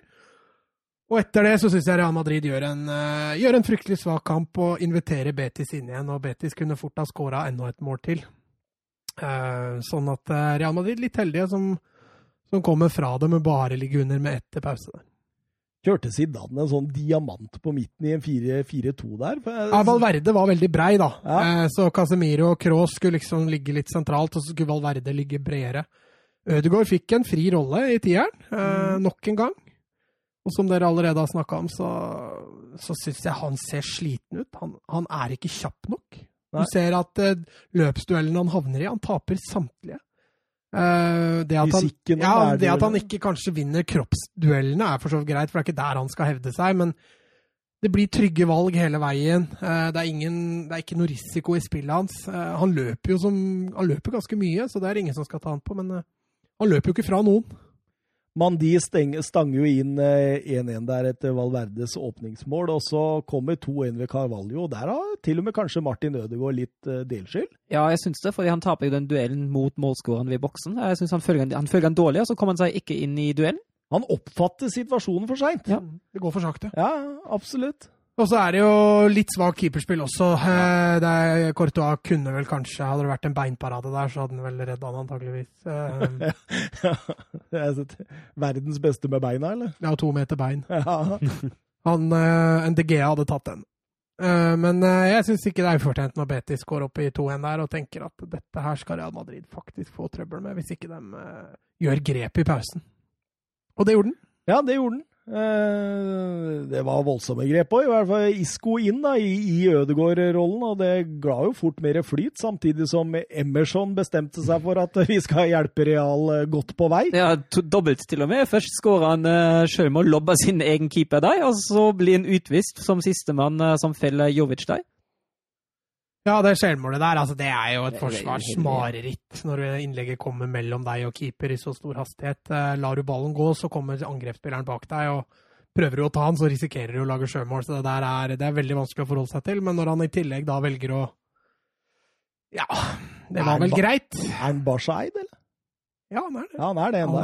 Ja, ja. det... det... var merkelig at han valgte å gi en liten håndstrekning der til eh, Men jeg, jeg, tror ikke det er noe bevisst bak det, annet enn at det er veldig klønete. Begge, både det røde kortet og sjølmål, egentlig. Ja, ja. og så um, Da blir det jo 2-2, som vi er inne på. Så kommer jo et straffespark, Mats. En hens på Mark Bartra. Ja, han uh, får hva skal vi si, en blokkering der. Det var jo nesten litt sånn Premier League over det. Men, men jeg tenker på eh, Går ikke Majoral litt hardt i ryggen på han? Er det, er det ikke Majoral? Derfor? Eller bommer jeg fullstendig? Han kom inn, han. Ja, ja, ja, det er jeg som husker feil. Eh, og så, ja. Jeg, husker... jeg syns han går litt hardt i ryggen ja, på den. At jeg skjønner hva du mener. Stuper litt, altså at Den bevegelsen, den hensen der, da, at den kommer av en dytt. Jeg, jeg er litt usikker, Søren. Nei, jeg... Bartra klager jo en del, han òg. Ja, ja. ja altså, altså, det spørs hvor treffer, hvor treffer ballen. fordi Det så jo litt som ut at den traff på den ermelinja, som uh, etter de nye reglene skal være del av kroppen og ikke av armen. Så jeg vil si at den straffen den har, er Real Madrid litt heldig med. Men Ramos han, eh, ja, han har tydeligvis sett på Mapai litt tidligere på dagen. For han. Det er ikke første gang han tar en Panenka. Eh, han er ikke uvant med det. Så jeg syns det er litt rart at keepera går tidlig når han skal skyte straffe. Men eh, for all del, en perfekt utført Panenka. Og det, da, da, er det jo gjort for Betis. De har ikke kjangs til å komme tilbake etter det. Nei, jeg tror et 2-2 der hadde vært det beste de kunne fått til etter den utvisninga. Litt kjipt for dem når de slipper inn, selvfølgelig, men uh, sånn som den andre omgangen utarta seg, så var det jo for så vidt greit at Real Madrid stakk av med seieren. Men jeg tror ikke de hadde vunnet hvis Betis hadde fullført med 11. Det er ikke fryktelig skremmende nivå Real Madrid viser, jeg tenker i forhold til Nei, Barcelona. Ja, også Sociedad-kampen før. Ja. Eh, det var ikke noe overbevisende der. Der klarte de ikke å skåre mål. Eh, og så fikk de jo en trepoenger her mot Betis, som egentlig har imponert i så langt denne sesongen. Også førsteomgangen mot Real Madrid. Så de er kanskje ikke helt i rute, nei. Men uh, Søren døpker Atletico Madrid, derimot, de imponerte. De imponerte veldig, og jeg som ville banne dem fra alle hovedkamper ut 2020. Uh, Det var, uh, jeg- det var en oppvisning. jeg syns det var en oppvisning. Jeg- blir ble spesielt glad da at uh, Joe Felix spilte en veldig god fotballkamp. Jeg syns det var sterkt det han presterte. Hyggelig at han begynner å, å prestere og våkne litt. Ja, fordi når vi gikk gjennom det tabelltipset jeg og Mats snakka om at han skulle ta de neste stega, så var du ikke helt sikker. Du var litt skeptisk. Nei, var jeg det? Nå, nå, ja, ja, du var det. Var jeg det? Sikker? Men, Det uh, var jeg som var skeptisk. jeg, jeg, tror jeg, jeg, tror jeg hadde troa på Felix. Jeg Men, eh, men det jeg skulle, uansett hvem det var, da, nå, skal, nå er det jo én kamp hvor han eh, imponerer. Og Hvis de fem neste er svake igjen, så, så går Jo, man men jeg tror uh, Altså, det var kjempegøy å se Felix. Dette er den beste kampen han har levert sånn totalt sett. Han har hatt et par gode minutter her og der i en kamp, men i den kampen her syns jeg han leverte gjennom, gjennom hele matchen. Eh, og så var det veldig positivt å se den startoppstillinga til eh, Atletico. At de har dytta inn både Angel Korea på ene sida, Carasco på andre sida og Kåke og Saul sentralt. Mm. Altså, det er ingen av de dype kruttønnene som Altså, nei, Herrera var ikke der, eh, Party var ikke der. Eh, Sånn at det var, eh, det var gøy å se at han ikke dytta Felix ut på kanten, men at han fikk den frie rollen rundt Costa. Så det, det lå litt i korta at eh, Atletico skulle faktisk angripe den matchen.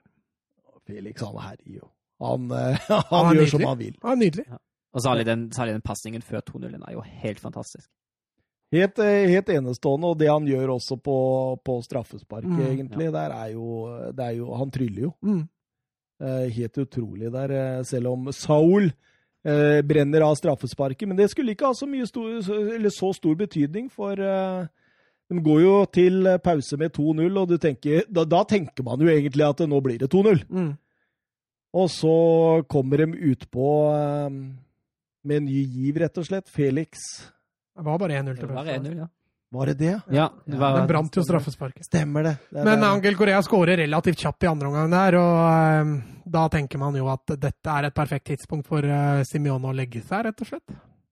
Ja, det var, det var litt av poenget mitt. At uh, det, var morsomt å se at de gikk for både to og tre og fire, for det var jo det de gjorde. Ja, Og når Suárez kom inn på, så så det ut som hele laget skulle skåre. Eh, Så det, det jeg, Hva skjedde? Er det en ny tilnærming, eller var det bare åpent som en låvedør bakover i Granada der? Nei, altså Granada pusha jo framover der etter hvert også. De ville jo åpenbart ha et mål, så de, det virka som de dreit litt i om de slapp inn tre til, bare de fikk et mål. Eh, Men, men det var eh, veldig gøy å se Atletico så offensive og så sprudlende. Eh, Suárez bare kommer inn og bidrar jo til de grader til det. Jeg sa det vel til deg før sending at det der kommer til å fade litt utover, men eh, det blir spennende. Det skal bli veldig spennende å se hvordan Simione gjør tilnærmingen i de neste kampene. Går de like offensivt ut, eller kommer han til å bli Simione etter hvert utover i sesongen? Ja, For nå har de jo fått et bevis på at jo, de kan de angripe. kan. De De kan, kan. de kan spille etablert Jeg trodde ikke de kunne. Nei, jeg trodde ikke de trente på det i det hele tatt. Jeg. Nei, de bare trener De det, trente faktisk. bare forsvar og, og stramme linjer. Og, og da Simione, når Suárez kom, så tenkte han vel fader, og nå må vi angripe litt. da. Men eh, deilig å se når Felix etter 3-0 der. Og, og eh, apropos pølse og pølsebod på Jesus Vallejo der. Ja, han skulle jo være en up and coming i Real Madrid for et par år siden. Blei jo frist ut i Wolves, så eh, Granada har han jo fått litt tillit da, men her blir han Ja, han står vel i den køen ennå, tror jeg. Står og venter på Ja, på han, og sennep. han står faktisk ennå. Så kommer Luis Suárez inn da, søren. ja, og det blir jo det blir jo umiddelbar suksess. Og en nydelig assist eh, til 4-0. Er det god gammeldags fuck off til Bartomeo når han bare herjer de siste 20 minutta der, eller? Ja, det kan jo føles litt sånn, i hvert fall. Ja, ved at Suárez har igjen en to-tre, kanskje ikke tre, i hvert fall én eller to gode sesonger, det, det har han. Og han kommer sikkert til å få flere sånne kamper. Men uh, jeg tror også vi får se dette Jeg tror vi får se en frustrert Suárez også i løpet av sesongen. Det gjør man helt sikkert, men her kommer han jo inn med kjempeglød. Eh, Har assisten til Jorentes 4-0. Han eh, skårer sjøl 5-0. Eh, Nydelig heading tilbake der, forresten. Ja. Men bra, fri, veldig bra innlegg. Og måten Suárez beveger seg på inn i boksen der, det er det få som gjør bedre enn han. Og selv om Molina og Granada fikk da oppfylt målet sitt med å skåre et mål der til 5-1, så setter han også 6-1 godeste Luis Ja, det er fint Suárez. angrepsspill òg. Ja, Det er faktisk Ja, eh, overraskende å se Atletico prestere sånn. Eh, litt heldig som får den igjen i beina der etter å ha bomma, men eh, avslutninga også til Suárez der, sånn på halsbretten, kjapp avslutning. Klassisk han, vet du. Ja, og eh, to mål og ett assist i debuten sin er det ingen som har gjort i Atletico Madrid på hele 2000-tallet. Nei. Så han kom inn og skrev en slags historie fra første minutt. eh. Atletico Madrid har heller ikke tapt de ti siste sesongpremierene de har spilt. Nei, De har begynt å skjerpe seg. Ja, så det, det, det er ikke så gærent. Vi har et spørsmål for Sander Midtstuen. Han, han sender en sånn um, Kall det gjerne et kopi av et bilde, så Ja. heatmap, Heatmap ja. til Felix Joao. hvor du ser en uh, penis Og en rumpe. Uh, og en rumpe. Rumpa er i L- 16-meteren. Ja, Penisen er på midtbanen, peker mot den rumpa. og, og dette gjorde Felix, mener de, disse, da, altså draktsponsoren til Granada, Ja. mener at Felix gjorde dette. ja, dette var kampen til Felix. Ja, Og Granada på sin side, de svarte med å bli rett og slett veldig sure. Eh, at sånn her kan man ikke holde på, og krever en unnskyldning fra sin hovedsponsor. Hovedsponsoren de trakk bildet, selvfølgelig, eh, men det har ikke kommet noen eh, uttalelse fra dem. I hvert fall ikke før vi gikk inn i studio. For Granada er rett og slett veldig furten over det der. altså. ja, men de har et poeng. Jeg, jeg, så humoren, jeg, da. Ja, jeg gjorde det, jeg òg. Jeg syns som klubb der Granada eh, kan godt sende en mail og så ta det litt stille at vet du hva, sånt eh, setter vi pris på om dere ikke gjør i framtida. Men at man hadde slengt ut på der en smile-emoji og en bæsje-emoji hadde vært eh... Men, men, men er det ikke et tysk lag eh, som er veldig morsomme på Twitter? Ja, ja da, særlig Leverkusen. ja, særlig Bayer Lev- Leverkusen er helt konge. Og, altså, det, det er flere. De, de har gjerne litt sånne morsomme Twitter-battler. Så er, de har virkelig ansatt gode social media-folk. Men, eh, men da tenker jeg, eh, hvis den hadde kommet til Bayer Leverkusen, da, da kunne det jo blitt litt artig. Ja, det kunne blitt gøy. Men eh, veldig sterkt av Atletico Madrid og Diego Simione. Eh, noen ord også om Cádiz eh, Sevilla, Mats? Ja, det var et Sevilla-lag som møtte jo Bayern München på torsdag, var det vel? Eh, det bytta voldsomt i Ja, det var en del rulleringer der, og det, det fikk litt eh, følge. For eh, det var ikke et sånt hva skal vi si, klinisk Sevilla-lag før de begynte å bytte litt tilbake igjen utover i andre omgang der. Og havna jo også under, under rett etter pausen. Nei, rett etter, jo, rett etter pausen. den redninga Bono har der etter et par minutter. Ja. Altså, jeg, jeg skreiv, eh, jeg skreiv eh, ukas desidert beste redning fram til jeg så Pervan sin redning litt seinere. For det, det, det er en klasseredning. Ja, en matchvinnerredning også. Eh, skulle man da endt opp med 2-0 da på den andre skåringa der, så, så kan det hende lufta hadde gått litt ut av Sevilla òg. Men eh, Sevilla de reiste seg etter et eh, par bytter. Ja, Luke de Jong han, han, han begynner jo å bli ganske verdifull for dette Sevilla-laget nå. Ja, og også i en sånn kamp det er jo helt glimrende. Eh, Det ligger under 1-0. Eh, Det etablerte angrepsspillet fungerer ikke optimalt. Og da kunne sette inn på en sånn boksspiller, eh, typ Giroud, da, som Chelsea har. Det er klart det er verdifullt for, for uh, Lopetegi, og jeg begynner å betale seg litt, altså, han de Jong. Han gjør det. Og det 1-1-målet, Søren, det er jo akkurat som hvis du sitter med, med oppskriftsheftet til Sevilla i Mm. hvordan man skal angripe et mål. Mm. Så det står øverst i oppskriften. Ja, Jesus. Navas skal snurre litt rundt på høyrekanten og så legge inn til Luke de Jong. Ja, det har vi sett før. Det har vi sett før, og det kommer vi til å se igjen. Um, det er også en annen innbytter, vel, som gjør 1-2.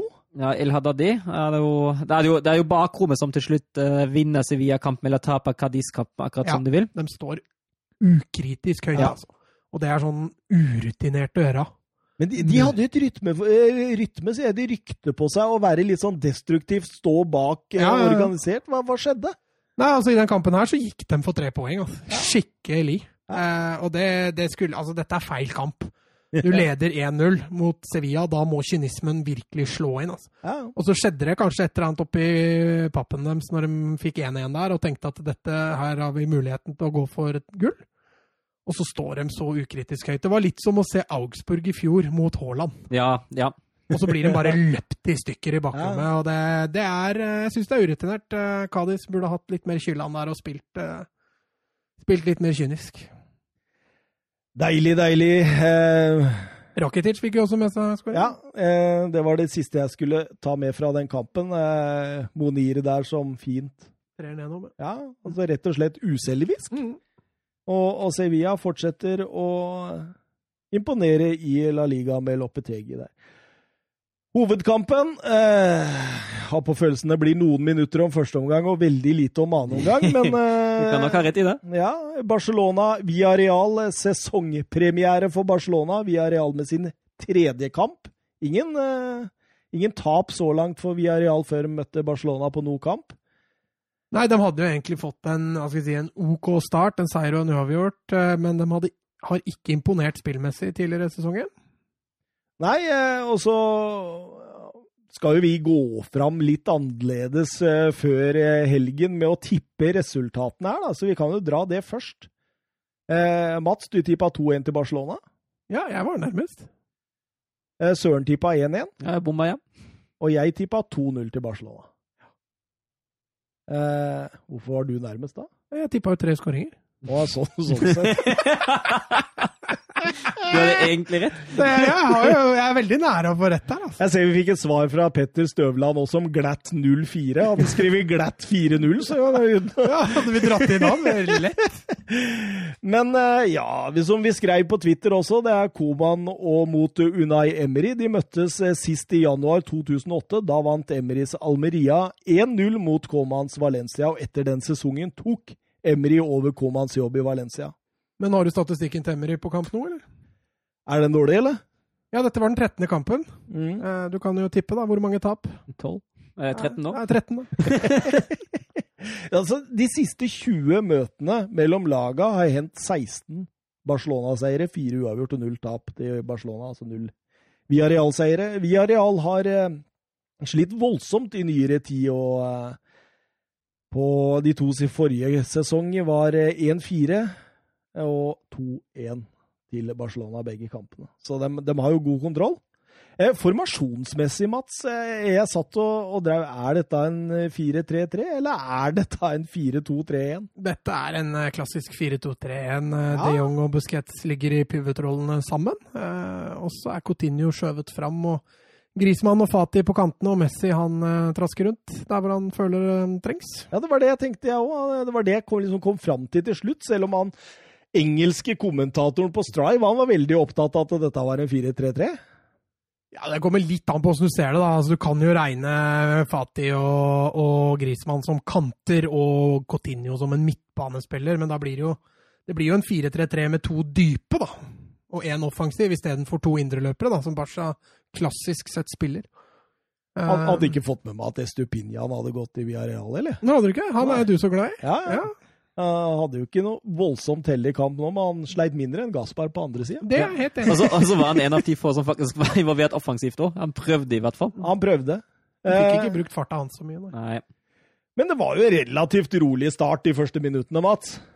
Ja, det var ikke noe altså Det var litt sånn føle å ta på. Barcelona hadde jo sin aller første kamp for sesongen, så at de var litt rustne, det var kanskje å, å forvente. Eh, real, de eh, Altså, Jeg ble ikke så overraska over måten Villarreal gikk ut. altså De har Parejo og Coquelin dypt på midtbanen, så du får ikke så veldig mye dype løp fra det sentrale. Men eh, de prøvde å angripe bredt og komme litt til innlegg og eventuelt rett i bakrom. Så det var ikke så veldig overraskende det Villarreal drev med. Ja, jeg, jeg følte liksom at de prøvde å lure Barcelona litt opp, for å, og så eh, Og det, det klarte de ikke. Jeg syns Barcelona åpna veldig bra. Altså, det var, var fine plassskifter mellom de på topp der. og Ja, altså, altså, Coutinho gikk jo opp og tok plass ved siden av Messi. Så jo med ball så det ut som en 4-2-4. Uh, og så syns jeg det er veldig godt de motsatte bevegelsene som Messi og Coutinho, Coutinho drev med i samspill med kantene.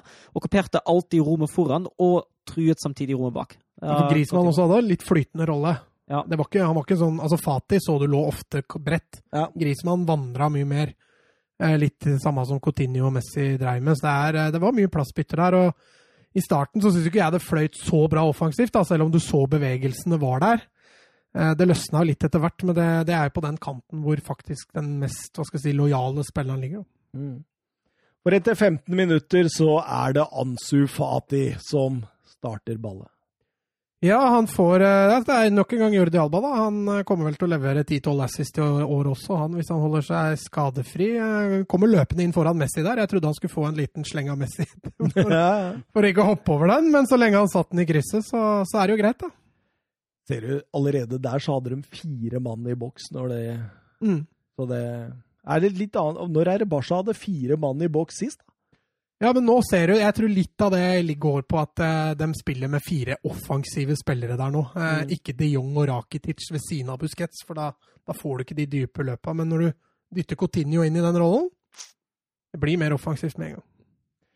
For søren, det tar jo bare fire minutter til, og så er det 2-0. Ja, overgang fra dørlinja, og så har jo Coutinho han har jo en hel fotballbane å løpe på. Det er jo helt vanvittig hvor mye plass han har foran det Sevilla-forsvaret der. Det er jo helt sykt. Rygger og rygger og Ja. rygger og rygger.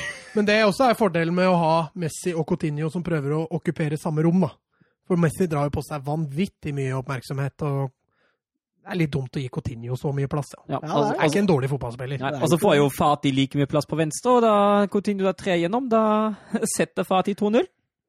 Enkelt og greit. Og, og, og jeg, jeg, jeg satt nesten da og, og eh, var, jeg, jeg var litt overraska, for jeg trodde at Villarreal skulle gi en mye bedre kamp. Ja, altså Jeg trodde Villarreal kom til å være bedre defensivt organisert. Ja. I hvert fall i etablert forsvar. For det, det var fryktelig skuffende å se dette Villarreal-laget forsvare seg etablert altså i første omgang. Ja, jeg er helt enig. Det var jo store avstander mellom spillene, store avstander mellom, eh, mellom lagdelene. En høyreside som ikke var til stede i hele tatt. Det var jo Chukwueze som ikke støtta Gaspar i det hele tatt. Gaspar fikk en forferdelig kamp, sto ofte to mot én i tillegg. Eh, Jeg syns synd på Gaspar Ja. i den kampen der, altså. altså, fikk, jo, fikk jo null støtte heller, så det var en fryktelig, fryktelig dårlig forsvarsspill av Villarreal. Jeg er helt enig med Mats. Men jeg syns hovedpunktet på Real, uh, via Real der, det er at det, de sliter med balansen i laget når de har ball mot etablert. Altså, det, det blir så ekstremt lett å kontre på. Ja, for Barcelona sin del, ja. Og her er det jo eh, litt sånn Altså, eh, Villarreal virker litt planløse i etablert angrep, som du sier, og det, det straffer dem ja, Den blir vel bare straffa én gang der i kontringa, men eh, hadde Barcelona hatt en spiss som jakta bakrom, så kunne de blitt straffa mer. For Messi jakter ikke mye bakrom. Eh, han faller ned for å få ball i beina, og det, det gjør at vi areal får de ekstra sekundene til å komme på, på rett side. Etter 25 minutter der så får jo Alba og Messi hver sin store sjanse. Fantastisk angrep. eh, Spillefri Ansu Fati der som dytter videre til Messi. Asenjo eh, redder, men de holder trykket oppe. Og Sergio Rebabbe og Roberto igjen med et innlegg på bakerste. Eh, han er, Jordi Alba der, er, det er ingen som går opp inn. Helt aleine. Du ser han blir overraska. Han bare liksom ja, OK, OK. Ja, får jeg skyte, da? Ja, det tok så lang tid Ja. før han bestemte seg for noe. OK, ok, ja, nei, da skyter jeg, da. Men det var litt OK, da, hvis dere ikke gidder å gå opp i meg. Jeg står her på fem meter. Det er merkelige greier, altså. Og jeg, da tenkte jeg, hvor lang tid tar det før Emry gjør grep her? Men eh, det, han gjør jo ikke noe grep. Nei, altså, jeg tror han ville vente til pausen med å, med å gjøre grep. Ja, det gikk bra. Nei, det gjorde jo ikke det, og du så etter 3-0, nå kommer du sikkert dit, men da sitter han jo bare på benken der. Han har jo allerede resignert. Straffesparket. Eh, ja. Ja. Eh, Ansu Fati som tas av Mario Gaspar der nå, og da Nok en gang broderer seg gjennom. Altså, du, du ser det hvordan Og det, den er det lenge siden jeg har sett. Den derre rolig pasningsspill, og så eksploderer man med ett og to touch hele veien, og så gjennom. Det er, det er fantastisk. Det er Barcelona-DNA. og Har du blitt litt Ronald Coman-fan allerede, eller? Nei. Nei. Eh, for eh, jeg føler ikke dette var en bra nok målestokk ennå. Eh, dette var en veldig god start, eh, men eh, Nei, vi må avvente. Jeg har ikke blitt noen fan ennå. Men han er på riktig vei, eller? Dette var et eh, veldig positivt Det var morsomt å se Barca igjen nå. i 45 minutter. Ja, ja. Men eh, Lionel Messi, han eh, skårer på straffa, han. Ja, litt heldig, syns jeg. Ja, keeperen velger å stå der. Ja. Han rekker ikke ned der. Han rekker ikke ned, det er det som er problemet. Hadde, hadde han gambla til den sida, så ville han jo redda han lett. Mm. Eh, Men i og med at han velger å stå der, så blir det vanskelig. Den er hard, altså. Mm. Mm.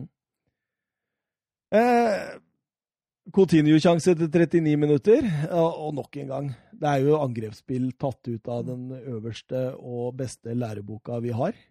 Eh, ett og to touch, flikker, tempo, innlegg fra Roberto. Det er rett på lissa til Coutinho, som treffer litt sånn ureint på volley fra fem meter. Asenjo Sitter han i bakken, ja. Ja. Det er jo egentlig en vanskelig avslutning for keeperen å ta, da.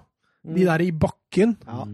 Men uh, Asenio går ikke ned. Det er det som redder han. At han står på beina der, og da får han fista han over. Kanskje via Reals beste spiller? Definitivt. Han redder jo Ja, I hvert er, fall eh, matchvinner. Det blir feil å kalle det en matchvinner når du taper 4-0, men uh, han har noen kvalifiserte redninger, i hvert fall. Ja, eh, da drar vi over til 4-0-målet, og det er eh, Pau Torres, din lille eh, kjæledegge, kan man si det sånn? Ja, jeg hylla han litt. Han Ja. har en fantastisk sesong i fjor. Uh, han blir jo veldig tråkka over den uh, kampen her, da. Prikken over i-en føler jeg han lagde nå. Ja, altså Det er litt sånn Emerson-takter over det. Litt klønete, samtidig som det er veldig vanskelig når du får et sånt innlegg bak eller mellom deg og keeperen, og det er en Barca-spiller bak deg. Så du veit du må ta ballen. da. Busquets går på dypt løp. og så Messi prikker han jo egentlig ganske bra der, og Pa Torres må jo bare stikke ut beinet. Men jeg, jeg syns der at der bør han faktisk greie å klarere den. Altså. Fantastisk eh, omgang av Barcelona. Det var virkelig gøy å se på. Ja, det var gøy å se på, men uh, Villarreal gjorde det jo veldig lett for dem. Altså, skrev han ned en situasjon etter 43 minutter som jeg la merke til. Da står Villarreal høyt med fire spillere, men de står. De går ikke i press, de bare står der og ser på. Og så klarer Barcelona i andre enden, altså for det første er det et stort strekk i laget, for det andre setter Barcelona da opp én mot én mot hele forsvarsrekka. Og da blir det jo farlig med en gang. Mm. Og det, det, det har de holdt på med nesten hele kampen. Det er jo helt sykt. Og du, du så alle de løpa som kom spesielt fra Sergio Roberto og, og Jordi Alba. Jordi Alba. De ble aldri fanga opp. Det, altså, hvis Barcelona hadde vært litt flinkere til å vri spillet noen ganger, så hadde de jo sendt dem alene mot Asenio flere ganger, faktisk. Det var eh, rett og slett sjokkerende via real eh, eh, forsvarsspill, og litt sånn Emery var kjent for i Arsenal også. Ja, eh, du, og det, nå har kommet til den perioden hvor han bare sitter på benken og ser molle, molle funken ut. Han, han har gitt opp, og det er som du sier, jeg syns egentlig på 2-0 der så bør han ta et grep. Eh, enten en formasjonsendring, nå sitter han med både Alcácer og Moreno på topp, og det Han burde fått inn en, enten en femte forsvarsspiller eller en femte midtbanespiller der for å få tetta de rommene, for verken Coquelin eller Parejo greier å demme opp, for Barca er konstant i overtall, altså, sentralt i banen. Så går vi over til annen omgang. Han bytter ut han godeste Good Evening. Han eh, bytter, bytter bort Coquelin og Alcacer og setter inn Iborra. Og Iborra Det funka. Han, ja, han bør i den. Ja. Det er vel kanskje han som er den femte som du snakka Ja, om. Som han, burde, den dype. ja. Um, og Rigeros òg har et eh, Han er frist innopp, i hvert fall. Ja, og det, det fungerer litt bedre da, samtidig som du skjønner jo at Barcelona drar ned dette tempoet her. Første kampen for sesongen, det er, det er, det er gjort allerede. Ja, du så det. Altså, Messi jobbet faktisk bra i, i press i første omgang. Jeg ble litt overraska, men i andre omgang står han jo bare på topp ved siden av, eller foran Coutinho. Blir, blir en slags 4-4-1-1. Eh, og det så nesten ut som at han i pausen har fått beskjed om at du står der, og du trenger ikke å presse. 4-4-1, så det ut som. Ja, greit nok. Eh, kommer en haug av bytter, og, og det, det, altså dette blir en transportetappe. Ja, altså, det var gøy å se Pedri debutere. Det var, eh, det var gøy å se um, Trincao debutere. Ikke det at de gjorde det så bra når de kom inn, men det at de slipper til. da. Jeg tror en Valverde ville ikke tatt sjansen på det. Eh, han ville valgt tryggere valg, da. Eh, type Alenia eller Rafinha eller, eller noen andre. Litt kjipt å se at Porch er i ferd med å bli litt pressa ut. Ja, han har vel Eh, sagt at han ikke vil At han ikke er en del av fremtiden til Barcelona, godeste Ronald Coman. Nei, det var ikke så drastisk. Oh, han eh, sa det at han burde dra på et utlån for å få mer spilletid, for det kommer du ikke til å få her. Ja, okay. Eh, men han hadde ikke uttalt at han ikke var en del av planen hans. Men han kommer ikke til å få så mye spilletid i år, for han ser ikke noen posisjon til han. Nei. Og det er selvfølgelig fryktelig trist for en spiller som var såpass bra etter koronaen i fjor, da. Eller i det blir jo år, da. Ja. Så jeg skulle gjerne sett at han hadde blitt dratt mer inn i varmen. altså. Og så var jo han eh, Kubo. Han var jo et friskt pust da han kom inn. Absolutt. Det er en uh, utrolig artig spiller. Uh, jeg tror ikke han greier å slå seg inn i Real Madrid med de kamper og sånt som de har nå. Nei. Så at han ender opp ja, via Real. Perfekt klubb for han til å utvikle seg videre. Mm. Og Dembélé fikk et lite innhopp. Ja, ja. La du merke til at han ikke tør å, å sprinte 100% ja han tok det rolig. Jeg er Ja, helt enig. Han utfordra heller ikke like hyppig én mot én. Eh, han spilte hele ball. Prega av skadene der. Eh, voldsomt. Eh, men det er ikke noe mer å snakke om. Dette er Barcelona kontrollert ut. Dette er et transportetappe. Barcelona gjorde en, en høyst eh, bra sesongpremiere, kan man si. Eh, skal vi bare gå rett over på banens beste? Ja. Eh, Mats, eh, Ansu Fati 1, og så Ja, Ansu Fati er nummer én, ja, Ja, hvis det var det du mente. ja. Ikke én stjerne. Nei, Han én. får tre stjerner. Ja, ja, og så gir jeg to til Jordi Alba. Han var ekstremt toneangivende, spesielt i første omgang. Eh, alltid ledig, alltid villig. Eh, og eh, ja, han burde vel eh, hatt en assist der òg, selv om han eh, Ja, han får det ikke, men Eh, eh, Siste stjerna gir jeg Jeg var veldig i tvil, det var mange der. Eh, eller mange. Det var et par Barca-spillere, og så var det Asenjo, egentlig. Jeg var også litt innom Chukwese. Han syns jeg var frisk offensiv i første omgang for Villarreal men ikke i nærheten. Og så sto det landa egentlig på mellom Messi eller Coutinho. Og jeg landa faktisk på Coutinho. Åh, Da kan jeg bare fort, før Søren får lov å si, at jeg er enig med du, bare jeg har satt Messi på én. Okay. Da er jeg helt enig med deg, Thomas. Men jeg vurderte også den siste mellom Messi og Coutinho. Akkurat som Mats. Eh, ja, Coutinho var fin, han. Ja, ja, Men var han da får han jo rollen sin, da. Han får den rollen han vil ha nå. Problemet med Coutinho der er at Messi får mindre rom som han liker å utfordre. da. Så det skal bli spennende å se hvordan de to løser oppgaven framover. Eh, Vi fikk et eh, Twitter-spørsmål her òg. Det tror jeg gikk eh, rett til deg, Mats. Jeg Må bare prøve å finne det. Det var fra Jonathan Hobber. Hvor lenge siden er det Mats har sett Barcelona så gode? Og var det Barcelona som var så gode, eller var det Villarreal som var så utilgivelig svake? Hvor lenge siden det er siden jeg har sett dem så gode? Må vi tilbake til Pep, eller? Nei, de har jo sånn hatt, enkeltkamp? ja, nei, de har jo hatt enkeltkamper som har vært uh, fryktelig gode. Men jeg, jeg, Jeg husker jo Kiki Setien hadde jo den ene kampen. Nå husker jeg ikke, Var det mot Villarreal? kan det ha vært den? Jeg tror det var det. skjønner du.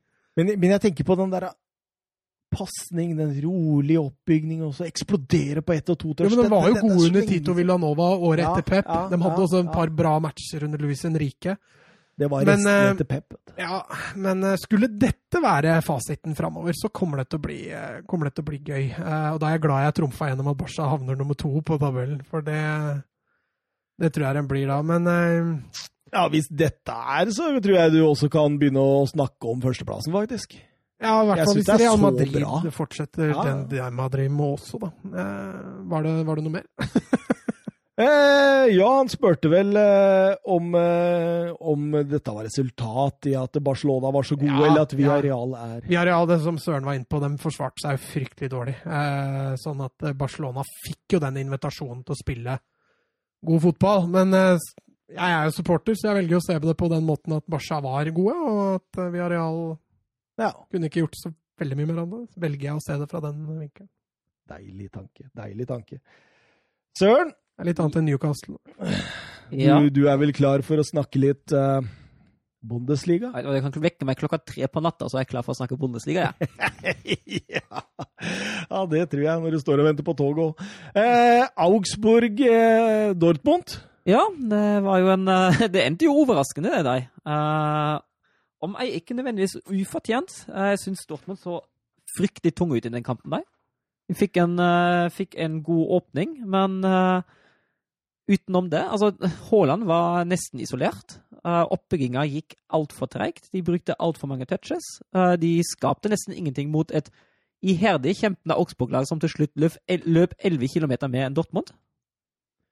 Ja, absolutt. Uh, men, men talla, da. Possession 23-77. Sjanser, eller skudd mot mål, da. 6-15. Expected golf. Golf? Nei, Nei, vi er ikke, Nå, vi i Wolfsburg, er ikke i Wolfsburg ennå. Er det det expected goals heter i, i Wolfsburg? Og hvis de slipper inn sånne billige mål, så er det sånn expected passa, passiv, passiv. Ja, den skal vi fortsette med, søren! Expected golf for Det er eh, veldig bra. Jeg liker den. Men det var 2,4 2,4 til Dortmund da, og 1,1 til Augsburg, så det var jo Ja, ja. eh, altså, Til tross for at eh, du kan jo godt si at ja, Augsburg fortjente noe her, så var det jo en dominans. Ja, det vil jeg jo si. Det er jeg jo enig i. Uh, men uh, vi også Altså, og så er det ikke noe tvil om at Gikiewicz gjør en veldig god kamp for, eh, for Augsburg i målet der. Og midtstoppera. Ja, Udokai. Åh, åh. han var jo helt fantastisk. Han jo Ja, han andre òg, han kapteinen. Men gikk ja. ikke han Han var i Wolfsburg i fjor. Ja, nei, når han var i, Augsburg, i Wolfsburg i forrige fjor, vi lånte den ut til Augsburg forrige sesong, og så kjøpte Augsburg den. Ja. Dessverre. Ja. Jeg, jeg var egentlig alltid veldig fan av Udokai. Bedre enn Brooks. Ja. Skårer jo også 1-0, søren. Ja, eh, Nydelig slått frispark av Caligiuri. Uh, Caligiuri er blitt et sånn mareritt for Borussia Dortmund i, i det siste. Så uh, sikkert bra for, for Dortmund at han ikke Men, spiller eh, Schalke lenger. Men Jeg reagerte også på Wolf, eh, Dortmund. De, altså det var bare Haaland og Witzel som spilte på sånn noenlunde faste mm. plasser i første gang. Alle andre, til og med Monier og Gureiro, Ja, flaksa rundt over hele banen. det er merkelige greier, altså. Altså Når sånt fungerer, så er det dritkult å se på. Når det ikke fungerer, så er det jo bare frustrerende å se på. Så ut som Fabra hadde bare tatt en haug Ja. med terninger og bare Her spiller du! Ja, det var merkelige greier, altså. Men uh, Caligiuri, han eh, gjør 2-0, han. Så. det er 2-0. Det er en fin overgang bakom, bakrom, og så vinner han jo duellen mot Meunier ganske, ganske klart òg, og så setter han godt. Uh, liker å skåre mot Dortmund, som sagt. Han sa jo også etter kampen at uh, som tidligere Schalke er det alltid gøy å, å skåre mot Dortmund. Men er en Heiko Herlich masterclass, eller? Ja, altså, jeg vil jo si han gjør det han skal. Eh, eller de, Augsburg gjør det de skal. De, eh, og det har jo, har jo Viaplay Studio også vært innom, eh, inne om, at de klarer å bryte flyten til Dortmund ganske godt. Eh, Jeg trodde du slo av lyden igjen når vi har satt studio. Kommer an på. Eh, jeg, jeg, sy- jeg syns da, da traff de faktisk ganske godt, for å bryte den flyten, gjøre dem frustrerte, være aggressive og kjempe og løpe. Det, det, er, det er sånn du må bearbeide dem, og det fungerte ganske godt. Og Erling Braut Haaland han eh, våkna søndag morgen i, i lomma på Udokai. Ja, det gjorde han definitivt. Det var ikke Ja, han, har blitt, han er tatt ut av lomma nå, eller? Han ligger Eh, jeg tror han kan Han- han godt ligger- være der. Han kan hende han ligger der Ja. ennå. Det, det, det, var, det var voldsomt.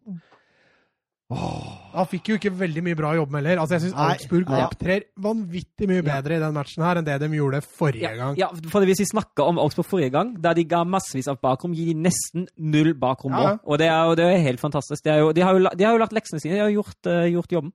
Selv om Haaland er brukbar også i kombinasjonsspillet, så han er jo nesten ufarlig når han må jobbe med ryggen mot uh, målet. Var frustrert der. Han Ja. uh, jærbuingen var jo borte og, og, og hamra litt løs, holdt jeg på å si, eller dytta litt på han uh, Golo, Golo Hva heter han? Kruvelau. Ja, ja. Ja, og da var jeg Håper vi har en tysker her. Han er fra Nederland, altså. ja, var nederlandsk, liksom- ja. Men uh, altså, jeg vil jo si at Kruvelau var jo litt heldig at han slipper At han bare får gult. Han, uh, han klasker jo Haaland i ansiktet. Det er jo et slag. Så kommer regna òg, da. Gliser og peker opp igjen. Men jeg så Kjernås var litt inne på det at, eh, at eh, når det smeller litt der, så er det, så er det Reina og Haaland som må stå opp, og ikke Emre Shan og Mats Hummels. At uh, når Ja. det blir litt Altså, Jeg tror Hummels var veldig langt unna da midtstopper.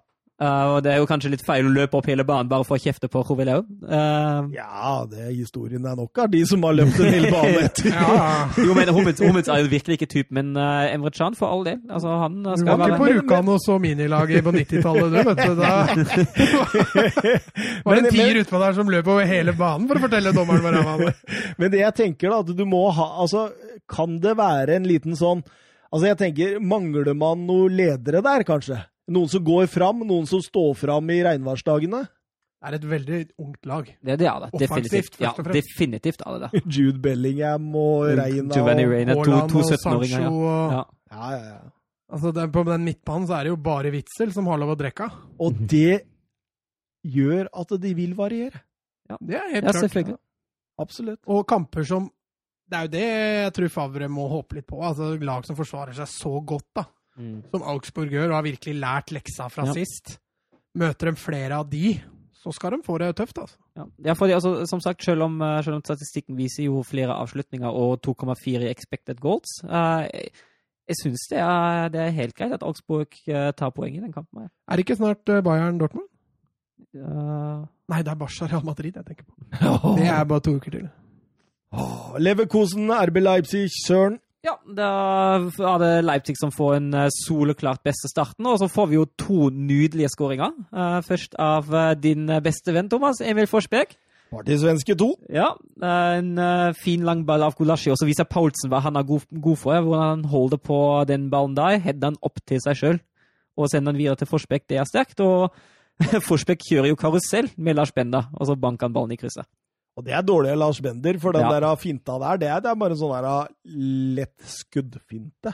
Ja, det burde den ikke gå på. Helt. Nei, det, det, det, det, der solgte den seg, altså. Ja, og så har vi jo eh, 1-1-skåringa, da Angelinho ikke får klarert eh, ballen godt nok etter at Diaby får en kontringsmulighet.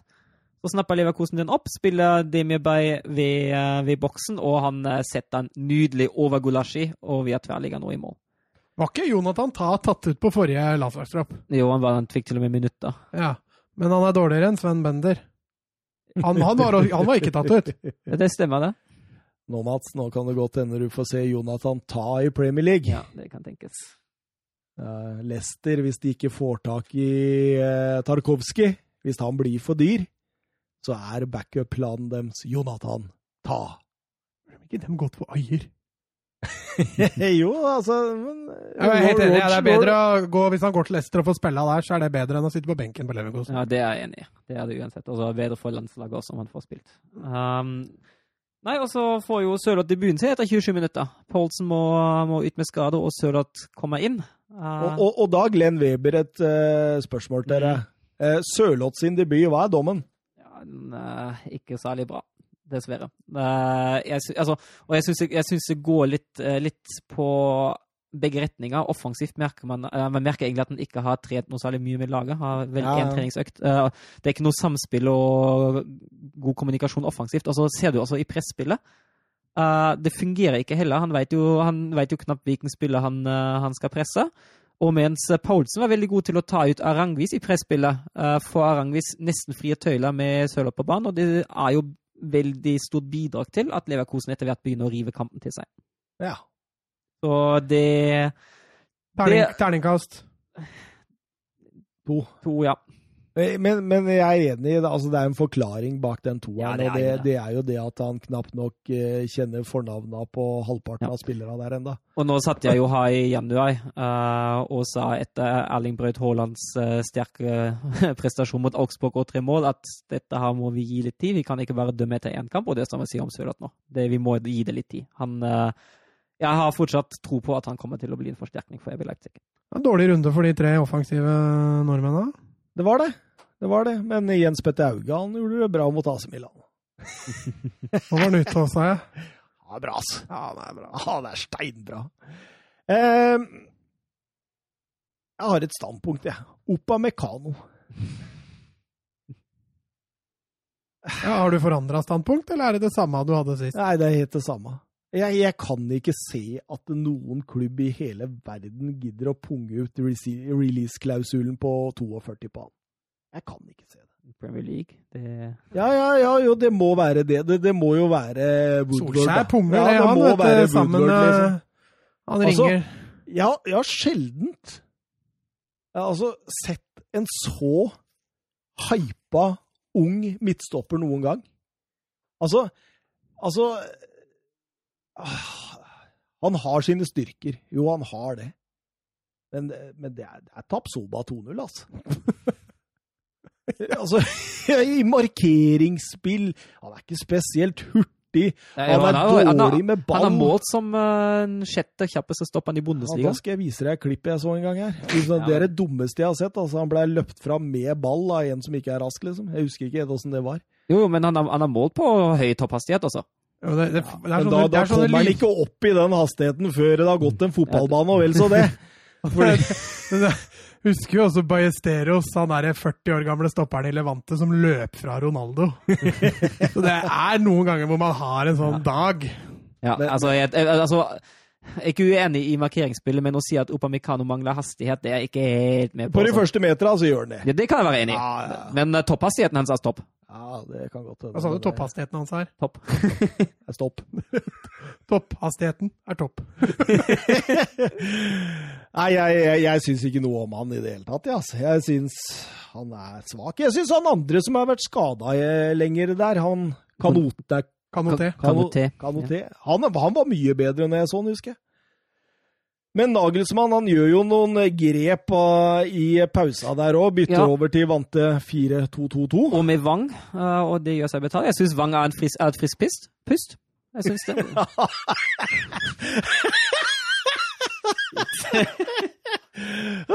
Han så på klokka nå. Ja. Frisk pist. Frisk pust. Sånn. Uh, jeg syns, han, han er frisk, kan bidra med en god del offensivt. Og presspillet spillet mot barn blir også mye bedre, så snart uh, Nagelsmann gjør de endringene der. Jeg skjønner hvorfor han er erstatteren til Werner. Ja, Det er litt sånn samme bevegelsesmønster på han, og litt sånn eh, beina går som trommestikker og Ja, jeg, Ja. jeg liker han, jeg. Sørkoreaner, han òg. Ja. Kan bli morsomt med Son og han på topp i et VM en gang. Ja. Eh, Leon Bailey var tilbake òg. Han hadde jo hatt en, Først var det korona, og så var det karantene etter et bursdagsselskap med godeste Usain Bolt. var tilbake nå. Eh, det er jo også artig å se. Ja, det er jo det. Altså, men Bailey må jo Altså, jeg føler at den sesongen her, nå må Bailey virkelig levere. Det, forrige sesong var allerede svak, og så fikk han jo de to utvisninger etter hverandre i tillegg. Og Han glimta jo litt til i fjor. Ja, han gjorde det, men eh, altså Og så er det jo litt sånn de, de tullegreiene i løpet av sommeren som du var inne på nå, Thomas. Og hans, eh, hans standing i Leverkosen, den har ikke blitt sterkere i det siste. Han har ikke det. Han har ikke det. Han har jo, han har jo vært eh, sakskandidat òg. Ja, Tottenham har jo Det har gått noen rykter der. Mm. Borussia München, Gladbach, Union, Berlin. Ja, og gledelig å se at Plea og Tyram er tilbake fra start. Uh, er vi fortsatt begge to ikke på absolutt 100% men uh, Jeg, jeg, jeg syns helt ærlig at dette er en krisekamp. Ja, for å gå som en Borussia Mönchengladbach, definitivt. Det er en svak kamp. Oi, oi, oi, de sliter med mye der. Og Neuhaus, som jeg er egentlig en ganske stor fan av, Ja, han hadde en forferdelig fotballkamp. Ja, jeg er helt enig. Det var, det var svakt. De skaper ingenting mot, eller nesten ingenting mot etablert. De løper i masse kontringer til Union Berlin, og hvis eh, Geraldo Becker hadde hatt sluttprodukt, står det 2-0 til pausen til Union. ja, det tenkte jeg òg. han eh, han hadde, hadde sine sjanser, den der Han, han kommer jo til dem. Han Ja, er ja, rask ja, og ja, sterk. altså, han, og- han han, han, jeg syns han gjør en god jobb fram til han skal avslutte, eller Ja. ta et valg i boksen. Ja, ja. Bundesligas eh, svar på Inyaki Williams, eller, eh, Mats? Jeg tror det. Inyaki Williams skåra jo det, så Han gjorde det, ja. Han gjorde det. Et av de fire han får i løpet av Han sesongen. er snart i mål, da. Nå.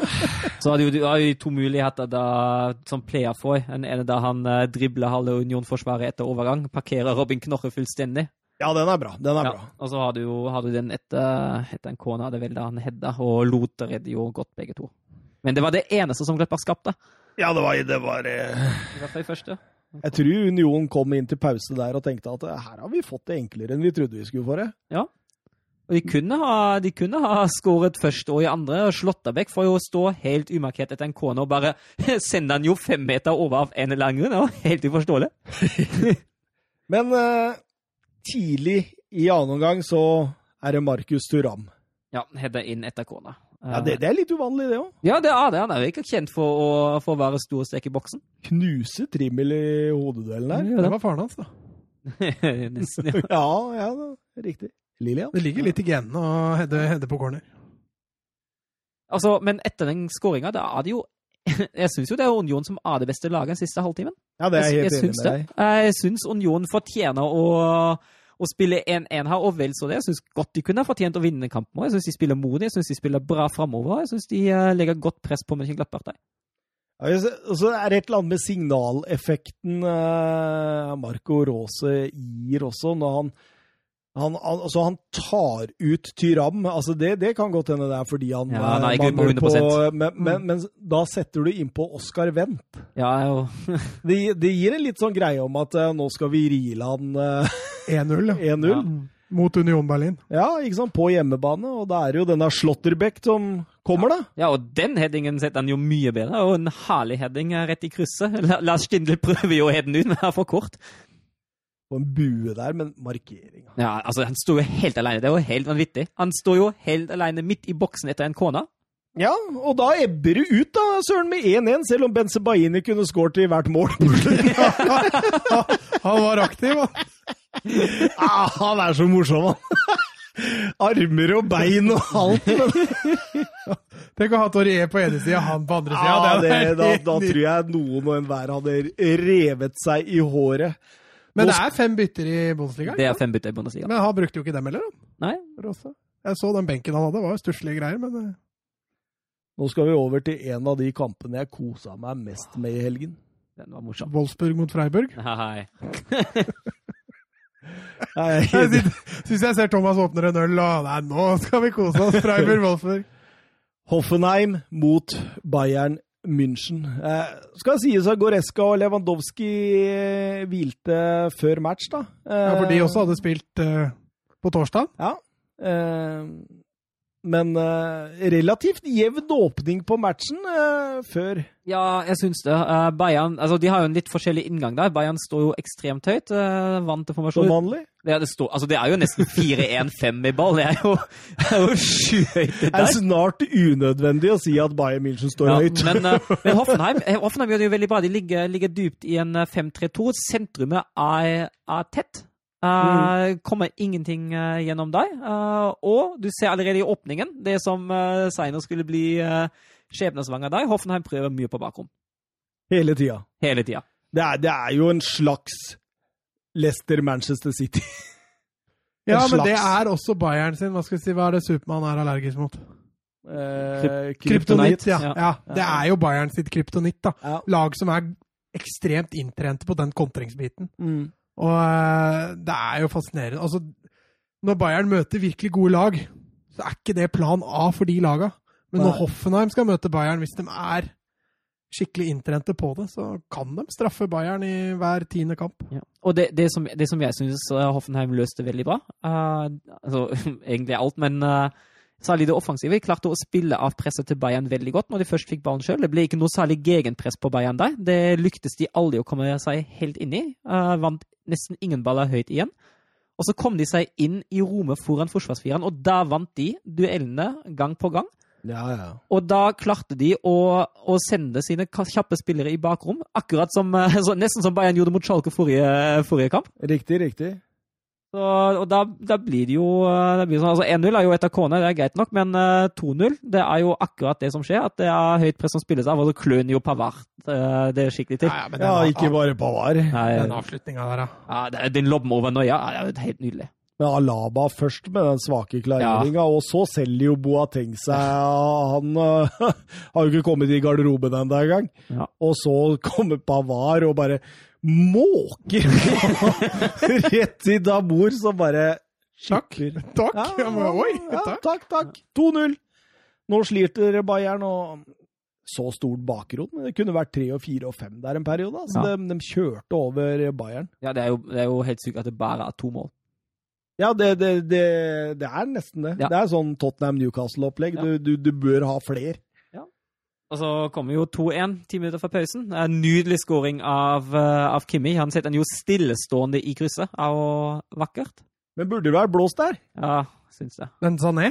Ja, Ja. syns jeg Han kakkeren der, altså. Ja. syns det. Altså, han, han, Sunde er jo inne på det eh, når han senere sier at eh, nå blåser han på den andre siden akkurat for noe som han ikke blåste Sané for. Ja, ja, stemmer. Og han, stemmer. han er helt rett der, altså. Mm. Sunde er flink der, altså. Han ser, Ja, Sunde er en fantastisk han ser sånne ting, vet du.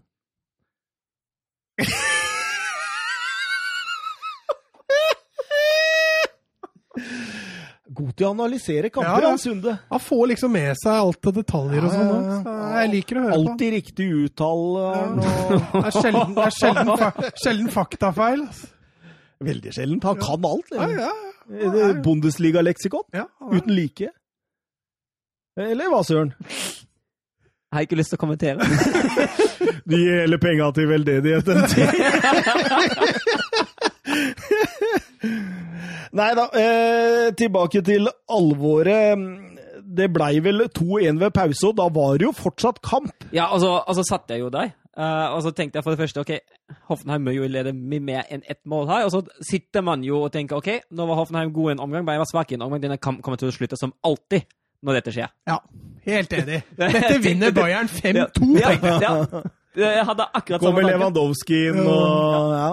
Men jeg, jeg må jo innrømme at jeg ble litt skuffa over, uh, over Flick, i hvert fall til pausen. Uh, jeg skrev uh, allerede til sånn 30-35 han må Goretzka inn i kampen for å demme opp for at Hoffenheim kommer seg inn i rommet foran forsvaret hele tida.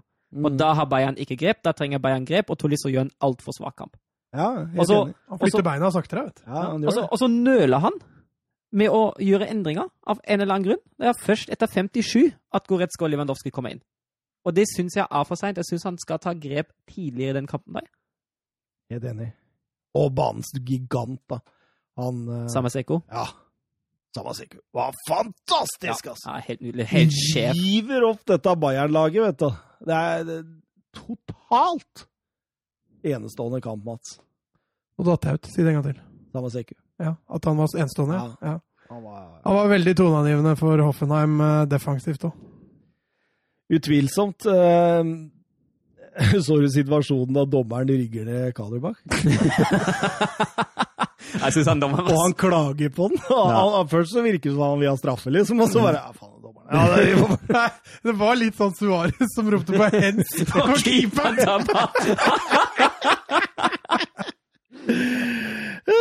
Jeg syns- for øvrig dommeren dessverre var svak. Jeg burde ha gitt uh, Altså, at flere Bayern-spillere slipper unna de gule kortene såpass lenge som de gjør, uh, særlig Boateng, det er jo uh, ikke til å tro. Men så kommer 3-1, Route 1, Ja, og, Kramaric. og det var jo på tide. altså Dabur alene må jo avgjøre den kampen i løpet av de første ti minuttene etter pausen. Ja, Uh, det, er jo, det er jo helt sykt hva han, uh, hva han bomma på. Uh, men det er fint å få inn en sånn spiller inn i, det, på en måte, i den fasen av kampen. ja, det er det jo absolutt. Skaper jo fullstendig kaos baki der med tunge, treige Boateng og Ja, ja med, med Bodø inn, tenker du? Ja. Ja, ja, ja, helt enig. Uh, nydelig bytte av uh, av uh, Hønestein. Hønes. Eh, men altså igjen, den 3-1-målet, samme mønster, er langt utspill eh, fra Baumann. Og så er det Kadejabek som knuser Davies i lufta i det rommet som jeg har vært inne på før. Og da er det, da er det enveiskjøring. Da er det autobahn. Da og Kramaric uh, skårer til slutt. Åh, autobahn. Fri fartsgrense. Ja. Altså, og, det, og det Bebo gjør før den 4-1-skåringa, ja, det er Det er klasse. Ja, det er, det er Det er lekkert. klasse. Det er lekkert. Altså, han rundspiller jo hele Bayern-forsvaret der. Det er jo Er nede i bakken og Ja. opp igjen og ja, Og han kunne bare lagt seg ned og trukket et gult kort da eller deg, men uh, han vil. Han vil fram. Ja, det er men sånne spillere er lett å bli glad i, da. Ja, det er nydelig. Som fader ikke gir seg, liksom. Nei. Bebo er jo litt sånn samme greia. Hvis, eh, hvis sluttproduktet hans blir bedre, da, da blir det stort. Da blir det stas. Hvem leder Bundesligaen nå? Akkurat nå er det Hoffenheim. Hvem ligger på andre? Augsburg. Hvem ligger på tredje? Oh. er det Frankfurt? Ja! Det er en snæsen topp tre-liste. Det er Dritte Halpsich uh, Halpseit. Ja. Liverpool vant 3-1. Hvem skåra siste? Eh, Diogo Jota. Ja. Det var et bra kjøp allikevel. det. Bare vent. Nei, eh, nydelig. Jo, Didrik Tofte Nilsen han hadde en på Twitter. Han eh, Kjenner jeg Søren rett, så har han forberedt litt på den. Det har jeg helt sikkert. Eh, vanvittig imponert over Hoffenheim i helgen. Fortell gjerne litt om Hønes, eh, Søren. Jeg syns det er gøy å få sånne spørsmål. Uh, ja, uh, Sebastian Hønes han er sønn til Dite og nevøen til Olli. Og han, uh, han hadde ikke noe så særlig suksess som spiller, selv om man kanskje skulle tro at en sånn familie er forpliktet til å være en god fotballspiller. Det beste han oppnådde, var tre kamper for Hoffenheims A-lag i regionalliga, som på den tida var tredje nivå. Ellers holdt han seg stort sett i andre lag til Hoffenheim og i Herta. Men som trener, da trente han først uh, Herta Zelendorfs U19 fra 2011 til 2013, men i 2014 uh, gikk han til Leipzig. Og da trente han U17 og U19-laget, før han i 2019, nei, unnskyld, i 2017 gikk videre til, til Bayern, da han også trente U19, men i 2019 ble han hovedtrener for nyopprykkede Bayern 2 i tredje liga. Og det ble jo, det ble jo gull. Det ble jo seriegull i, uh, i tredje liga. Helt overraskende at et andre lag nyopprykket andre lag, tar seriegull, men han klarte det med fantastisk fotball attpåtil. Det var stor stas. Og så hentet jo Hoffenheim ham eh, som erstatta eh, før 2020-sesongen nå. Og Hønes sjøl har jo sagt at Hoffenheim har en lignende fotballfilosofi som han. Han- ønsker at fotballen skal være offensiv, modig, fleksibel og alltid aktiv. Skal aldri reagere, skal alltid være aktiv sjøl. Og han, eh, han er veldig detaljorientert, han er veldig perfeksjonistisk og veldig eierig. Deilig. Og han har blitt preget veldig av både Leipzig og Bayern, og han, eh, han ønsker å kombinere Leipzigs pressing og overgangsspill med Bayerns kombinasjonsspill. Men kombinasjonsspillet skal alltid være målretta. Det er alltid strukturert, det er alltid en klar plan. eh, og det skal alltid gå framover mot mål. Men du så også at han hadde noen gode venner i Bayern etter kampen der. Han var Ja. borte og klemte på han og, og gratulerte han faktisk. Vet du hva, Vi er over to timer allerede, vi. Vi må bare forte oss. Eh, Freiburg-Wolfsburg, Søren. Ja, Da var Wolfsburg heldig å få med seg poeng. Eh, god keeper. Eh, dårlig forsvar, dårlig alt annet. Uh, begynner å bli litt bekymra for eh, bredden i laget. Eh, flere spillere som har spilt fire kamper fra start allerede, og begynner å bli slitne.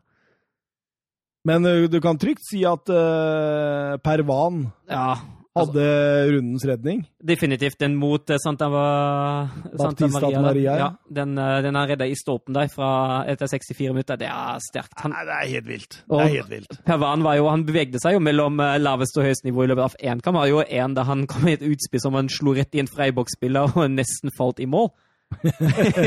og noen andre sånne små usikkerheter, men altså, da det virkelig gjaldt, da hadde han flere gode redninger. Altså Helt mot slutten, der, da Verås spiller en helt håpløs Ja, ja, den nå. Og altså, Det er jo Høla som var svak for all det, men Pervan gjør jo alt riktig. Blir stående og prøver å få spissen ut av konsentrasjon. Kan egentlig takke annenkeeperen deres for poenget her, altså. Ja, definitivt. Det var, det var en svak fotballkamp av Wolfsburg. Da hviler jo litt spillere òg. ja, måtte det. Jeg har jo neste kamp mot AEK Aten nå på torsdag. Er jo litt sånn samme knipe som Tottenham. Ja. Og en ikke like Bresdal. Men Tottenham de har Chelsea på tirsdag, og så har de på torsdag, og så har de på søndag. Ja, det er jo helt sykt. Men det er sånn dreide med, altså, De kunne jo hatt Laton Orient òg i forrige uke på tirsdag. Den ble utsatt av Eller det ble walkover av korona i Laton Orient. Ellers så hadde de hatt tirsdag, torsdag, Søndag. søndag, tirsdag, torsdag, torsdag, søndag. Så det er, det er jo klart det at det tærer på. Hvem er det det Tottenham får For i Europa League? Ja, hvem var nå det, da? Husker ikke akkurat nå. Så det var ikke, det var ikke Bayern München de fikk. Nei, nei. Det, det, det skal være, gå greit. Ja. Ja, Søren, hadde du noe mer, eller? Jeg blei bekymra for den tida vår. Ja, det er greit. Nei, men eh, Nei, jeg kan jo si at eh, 1-0, den skåringa til, til Freiburg, eh, Nils Petersen, det er mannen til John Anthony Brooks, som ikke følger i det hele tatt. Man måtte bare få med det! Ja, måtte bare få med. Og fin, eh, fin utligning, fin frispark av Brekkalo via mann nå i mål.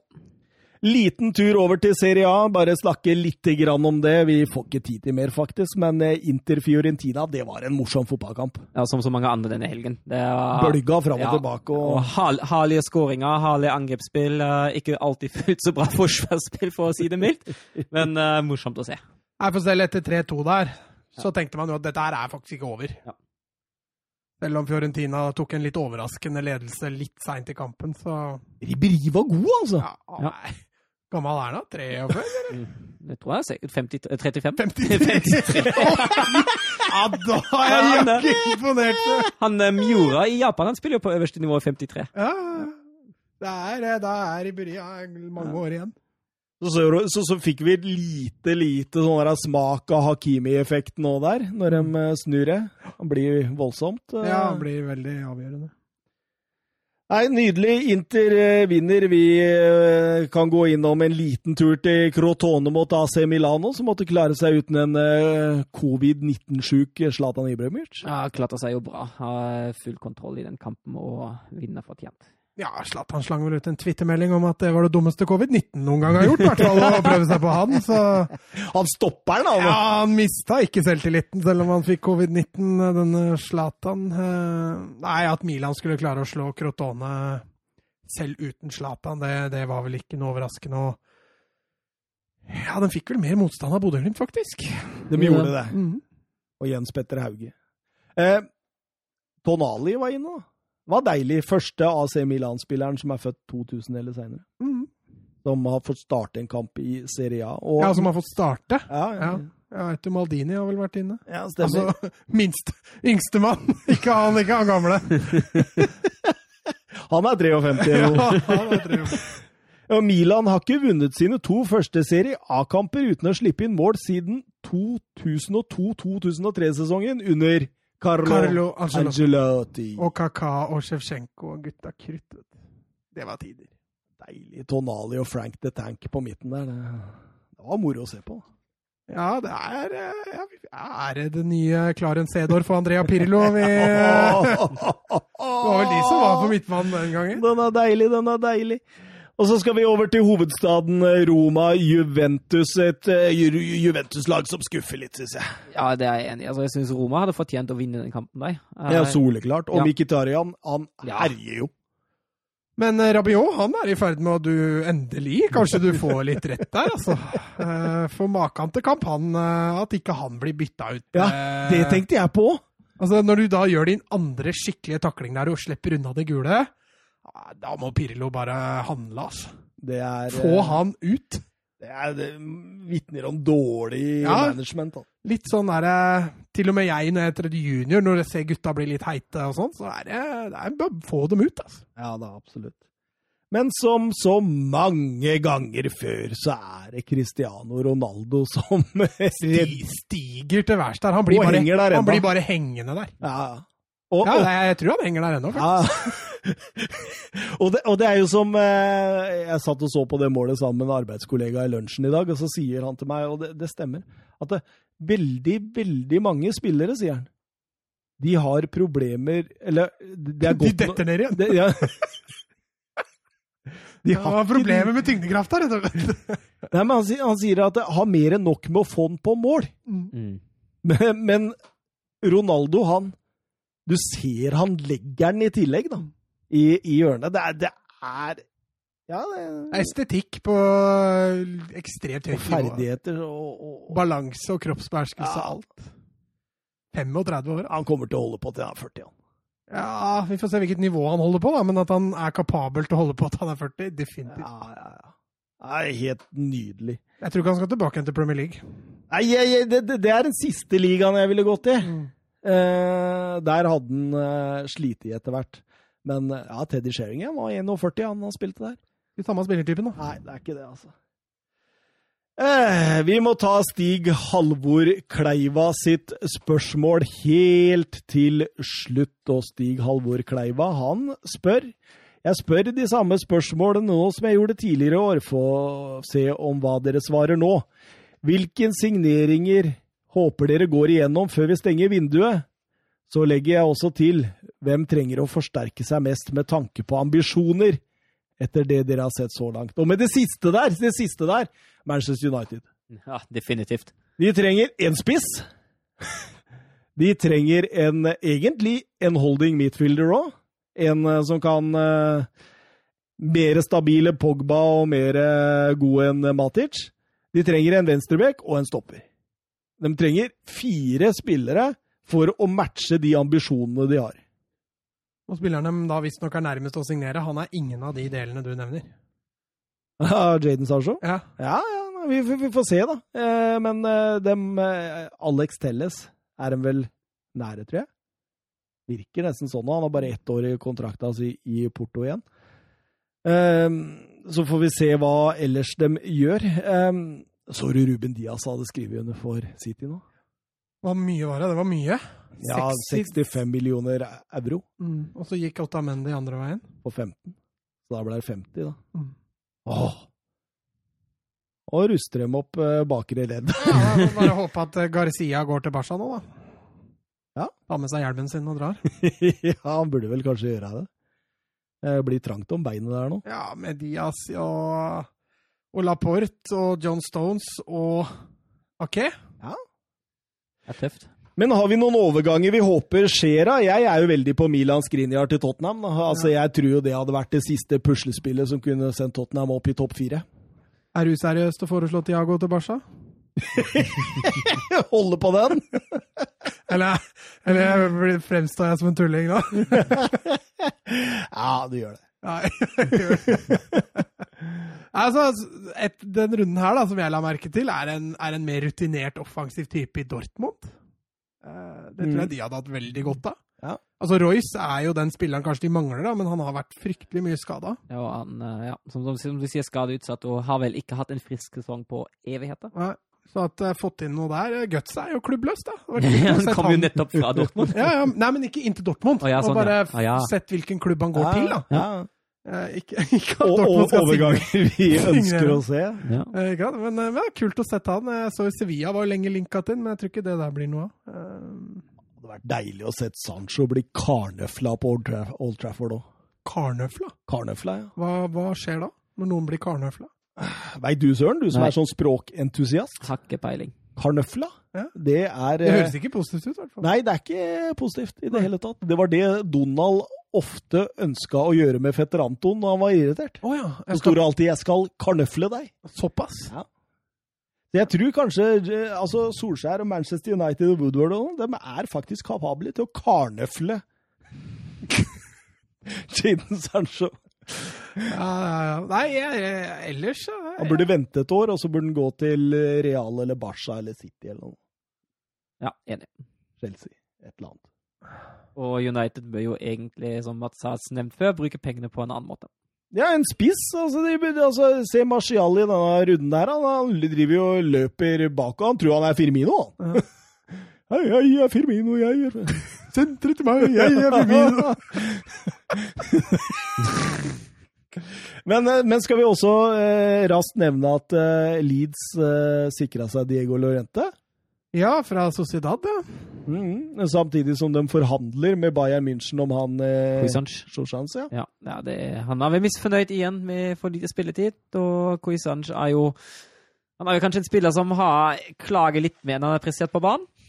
Eh, Ble jo, ble jo kasta ut av andrelagstoppen pga. disiplinløshet òg. Så Altså, for all del en talentert spiller, men eh, det mentale er ikke helt eh, Ja. Og Kleiva, jeg skal love deg, eh, Mats Granvold er. han sikler etter å se Jonathan ta i Leicester. Bare han får spille, tenker jeg. Han går vel inn sammen med Soyuncu der. Ja, tror du det? At han takker ut John Evans? Jeg tror ikke det. Ellers hadde det vært gøy med Ayer eller Jens Petter Hauge til Milan. Ja, den er fin. Den, er fin. Den liker jeg. Eh, også Ayer ut i Premier League. Jeg tror han trenger den.